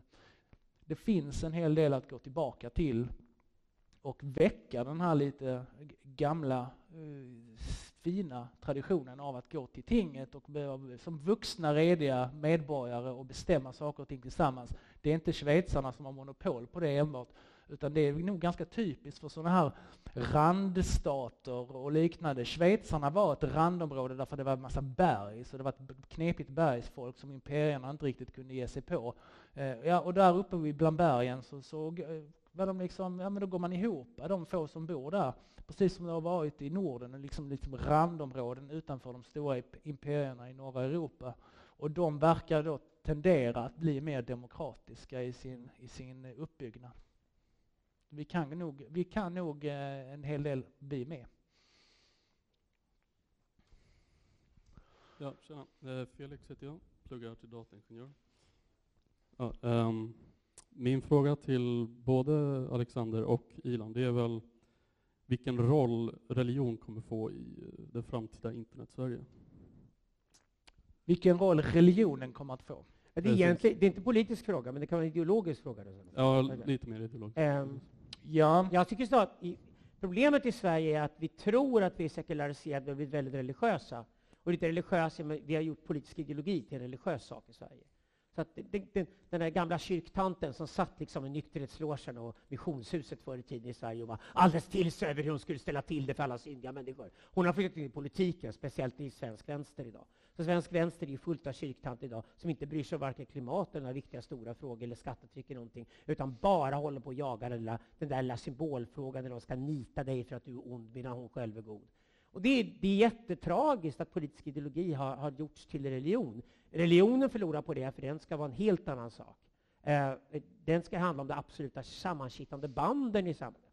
Religare betyder ju det från början. Så det betyder att, eh, som familj till exempel, familjebildningar och sånt där. Och det tycker jag staten ska bort från och lägga sig i så lite som möjligt, för det är faktiskt en sak för medborgarna själva att bestämma. Men jag skulle säga att med svar på det är att ta bort det religiösa elementet i politiken och hålla politiken ansvarig för att den är politisk ideologi, ingenting annat. Och det handlar om närkontakt med verkligheten, och där ska den vara. Och det gör med att strypa resurserna till politiska sektorn. Samtidigt som vi då stärker civilsamhället. Och ett starkare civilsamhälle, det är bra för religion i vida bemärkelse. Det är bra för min, mitt ansvarstagande mot min familj som jag vill svära trohet mot och, och som jag vill liksom uppoffra mig för, eller, eller de som, som är, jag känner samhörighet med. Det är ju först på kommunnivå i sådana fall, för då är det bara geografisk samhörighet som är påtvingad av människan och då måste det vara kommunen som gör det. Men att hålla politik och religion separerade på det sättet, det får du genom att göra ett stort skifte i att resurserna återigen hamnar i medborgarnas egna fickor. Då får du ett starkare civilsamhälle och det ingår alltid ett starkare religiöst engagemang. Ja, men vi har ju en myndighet idag som enbart är till för att, att portionera ut pengar till trossamfunden, till exempel. Men det där ska, det ska inte ligga på den nivån, det ska inte vara bort Nej. med det. En religion som behöver statligt stöd för att finnas är inte värd existera överhuvudtaget. Men, eh, men jag vet inte om det var något annat du tänkte på just när det gäller religionens roll, för det är en jättestor fråga så här filosofiskt liksom. Men, men när det gäller politikens inblandning så ska det vara så lite som möjligt på det sättet att politiken ska inte hålla på att pumpa in pengar i religiösa samfund till exempel. Eh, utan det där får ju de ta och se till att få, få ihop själva genom medlemsavgifter och liknande. Och därmed så kommer ju också politiken eh, inte att behöva in och styra så mycket. Det är ju debatter nu till exempel om att ja, ska vi tvinga dem att, eh, att viga samkönade och ska vi göra det och ska det inte gälla alla? Och ska det, men det där behöver inte politiken hålla på med. Så länge det finns borgerlig vigsel så får de religiösa samfunden göra precis Och tvärtom, tack vare att vi separerar politik och religion så tydligt som med gör, så får du ett problem med islamismen som vill ha ett separat samhälle i Sverige med sharia-lagar och alla möjliga saker och driver de frågorna som partiet Nyans just nu. Du, du, du, du, slår undan benen på en gång. Muslimer får verka på samma villkor som alla andra människor i Sverige. Den religion bland alla andra, men det måste underställas den sekulära lagstiftningen som gäller för allt och alla. Och när du, när du tar in religion i politiken får du problem. Det är samma problem med Putin. Alltså Putins ideologiska hemvist idag, han kallar sig djupt rysk-ortodox. Han har gjort i själva verket, han köpt Danilovskis idéer från 1800-talet i Ryssland och det dog in idag. Och det är att han ska vara en messiansk företrädare för rysk-ortodoxa kyrkan som ska rädda civilisationen för att han ska en dag ta Konstantinopel tillbaka till rysk-ortodoxa kyrkan. Det är därför han håller på att ockupera Ukraina idag. Det är samma religiösa fundamentalism islamisterna håller på med. Okej. Och det är vad du får när du blandar politik och religion istället för att låta religionen vara sammanhållande kittel i samhället som staten inte lägger sig i. Men då ska heller inte religionen kliva in i politiken och ta över den.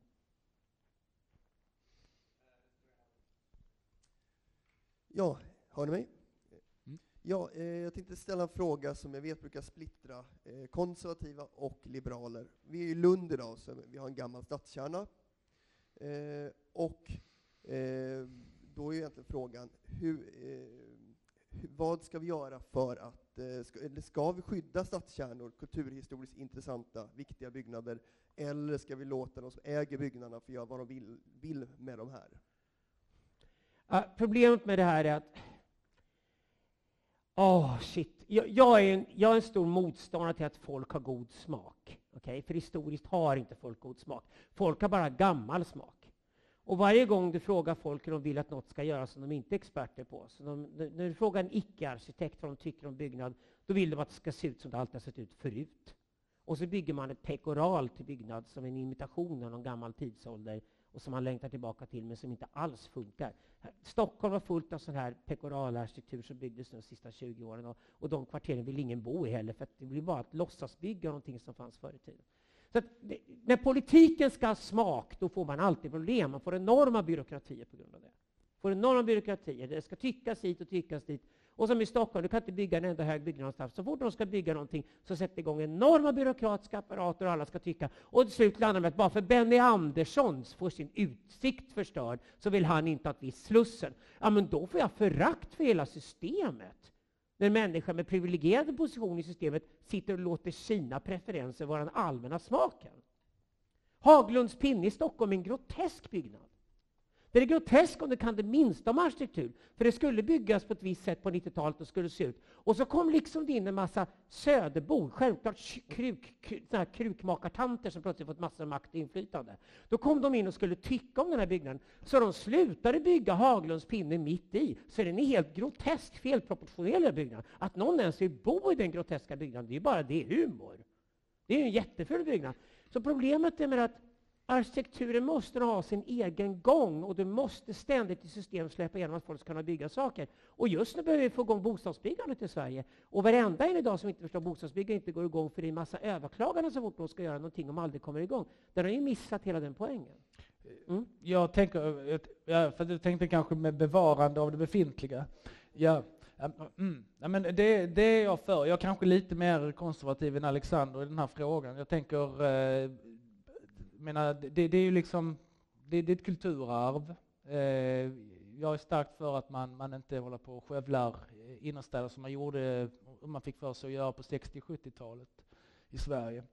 Eh, och sen när det gäller arkitekturen, um, det finns ju skolor där som är ganska, det är ju en modernistisk skola som är dominant på arkitekturutbildningar och liksom arkitekturbyråer i Sverige och så vidare. Jag tycker inte politiken kanske ska gå in och lägga sig i allt för mycket, men däremot så kan man ju stimulera mångfald inom arkitekturen, möjligen genom att, att ge eh, eh lite mindre, ska vi säga så här, lätta upp plan och bygglagen en del, sälja av mark i mindre sjok. I Sverige idag sker det rätt mycket sådana här kartellbildningar när man ska hålla på med exploatering av ny mark.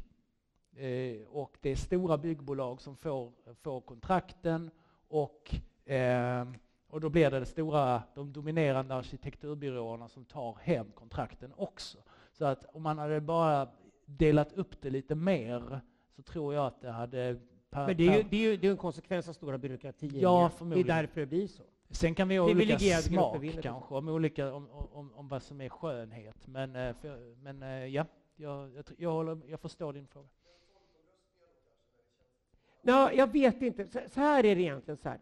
Jag skulle vilja att man kunde avskaffa kulturarvsstatus. Jag skulle vilja att man kan avskaffa nationalparkstatus. Vi har inte det alls i vårt samhälle idag. Vi gör större och större och större ytor till skyddade ytor just nu konservera mer och mer och mer. Och det går en inflation i nationalparker, går en inflation i skydd, går en det här får aldrig rivas, göras om. Om jag ser en gammal byggnad framför mig, då tänker jag två saker. Ett, har den någon slags framtida nytta överhuvudtaget?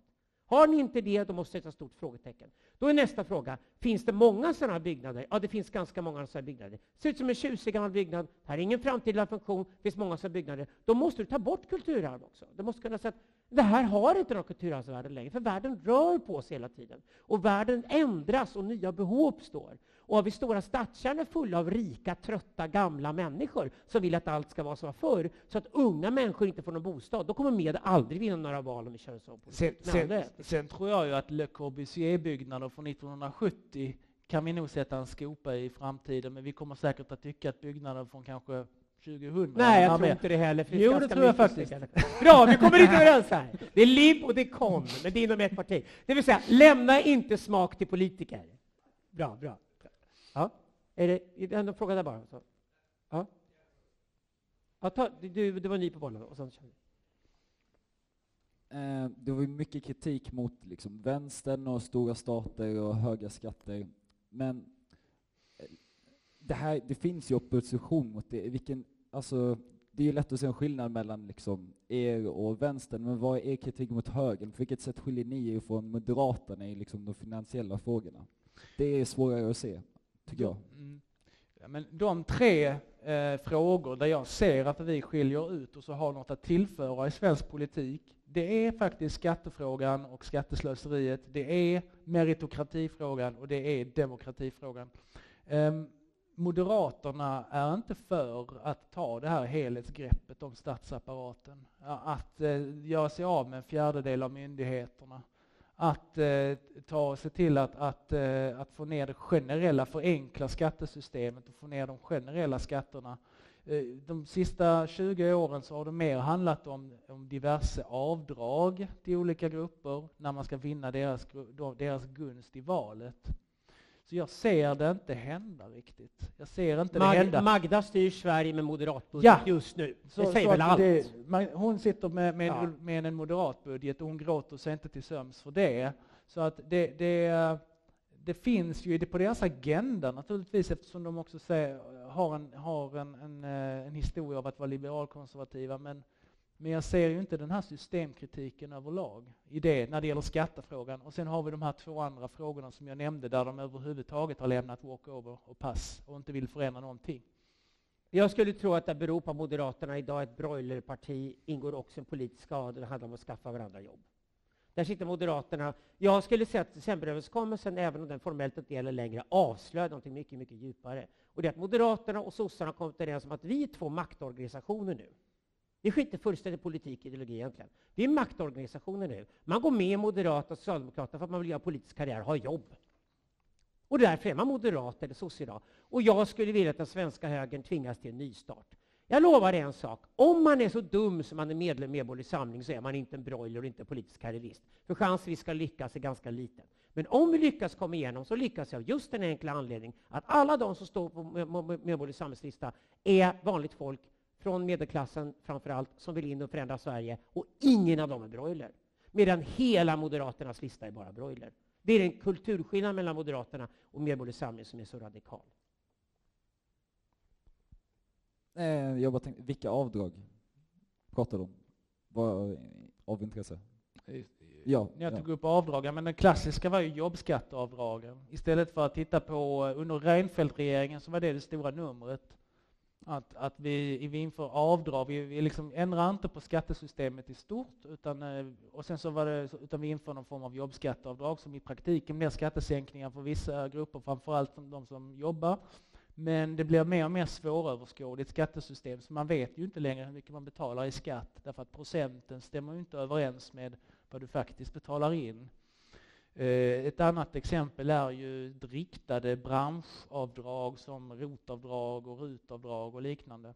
Som kanske är trevligt om man nu har ett renoveringsobjekt som man behöver göra någonting åt. Men som man ju ur fördel, alltså tittar vi på fördelningspolitik och rättvisa och vad har vi skatt till egentligen och så vidare så ter det sig som ganska märkligt istället för att eh, gå på de generella reglerna. Mm. mm. Vilken? Vem har micken? Nej, ja. Så. På nu? Ja, nu är det på bra. Ni berörde ju eh, decemberöverenskommelsen, ni har snackat om partiers plats i, eh, i nämnder och i domstolsväsendet. domstolsväsendet, vi har diskuterat också grundlagsfrågorna. Och det jag kan ifrågasätta är egentligen, är partier som struktur, som, som samhällsbärande, är det lämpat eh, för att få utdelning för majoriteten av medborgarnas intressen? Alltså om vi tar Sveriges riksdag till exempel, där kanske Vänsterpartiet har ett förslag, ett yrkande, som är precis samstämmigt med ett, liber, ett från Liberalerna och ett från Sverigedemokraterna, men de kan inte rösta samtidigt, på, de kan inte alla tre samtidigt rösta ja till sina egna förslag, för att de andra också tycker samma sak, och man får inte stödja någon annan som tycker samma sak som en själv, om det är fel person eller parti som tycker som man själv. Det vill säga, det måste finnas jättemånga frågor där vi inte får utdelning. Medborgarna får inte utdelning för samhällsnytta därför att partierna inte samarbetar och samtalar konstruktivt.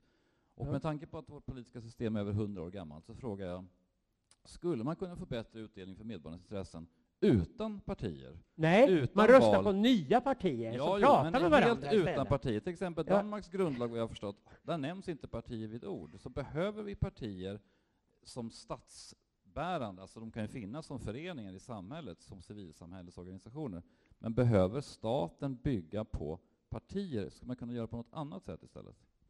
Man kan inom ramen för det nu, alltså jag tycker det är en jättebra fråga så, för att det, den berör ju en sak som vi har med i vårt demokratipolitiska program, och det är just att öka enskilda ledamöters eh, både befogenheter och att de ansvarsutkrävandet från enskilda politiker istället för den här flocken som partierna är, eller egentligen partikanslierna som bestämmer idag eh, över riksdagsledamöterna, vad de ska rösta. Eh, där behöver man ju till exempel ändra på sådant som att, att eh, kansliresurserna idag sitter hos partikanslierna och, och svenska riksdagsledamöter är väldigt osjälvständiga. De har inte ens rätt att använda pengar för att anställa sin egen eh, utredare eller sekreterare, utan det sköter man liksom genom partikansliet. Så de är ju, de är ju i praktiken livegna nästan under, under, under partikansliernas inflytande.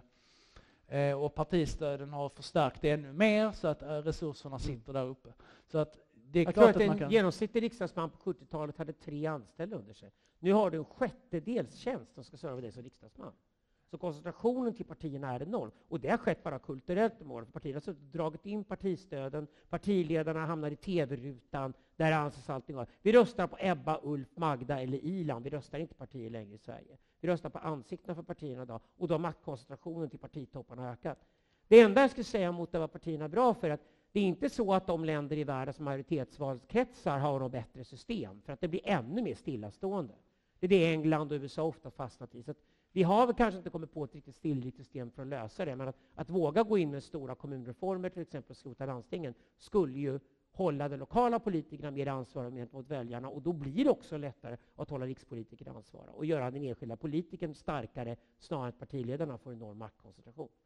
Jag tror det är en bättre lösning att gå den vägen. Till detta, eh, gå den vägen. Och sen eh, det civilsamhället vi vill göra starkare. Civilsamhället är egentligen därifrån partistrukturerna kommer. Partierna från början, innan de var dagens försörjningsapparaten för broilers, politiskt skadade som det är idag, framförallt MOS, innan det hände, var ju faktiskt att politiska partier föddes som folkrörelser och kom ur civilsamhället.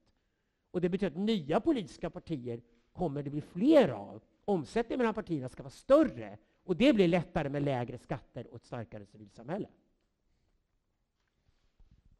Ja, jag tror det var alla frågor vi hade från publiken och eh, även från eh, vår eh, livechatt. Jag är törstig nu. Så ja, du, du har vatten? Nej, men jag jobbar på min alkoholism. Jag vill Ja, supa. ja. Okej. Det här är Lund. Kom igen nu. Det kommer om några minuter. Så eh, när det här då tar slut så kommer vi gå tillsammans bort till eh, Café Olé som kommer öppet borta vid busshållplatsen där ni jättegärna får vara med. Sitta och snacka med eh, våra gäster, snacka med varandra, snacka med företrädare för partiet. Om ni har frågor så är det bara, ni får gärna komma fram, dra i mig lite om ni har specifika frågor och de här två är upptagna. Och vill, Eh, och vill ni träffa fler medare och hänga med medarna, för det är faktiskt en folkrörelse, det är verkligen skittrevligt, så kör vi i, Lund, eh, i Malmö imorgon. Precis, jag tänkte säga det. Så, men Ja. ni två kommer ju komma till Malmö imorgon Ja. också. Då skulle jag vilja bjuda upp eh, vår distriktordförande för eh, med, Anki, som kommer Ja. att ge en liten kort sammanfattning av vad som händer imorgon.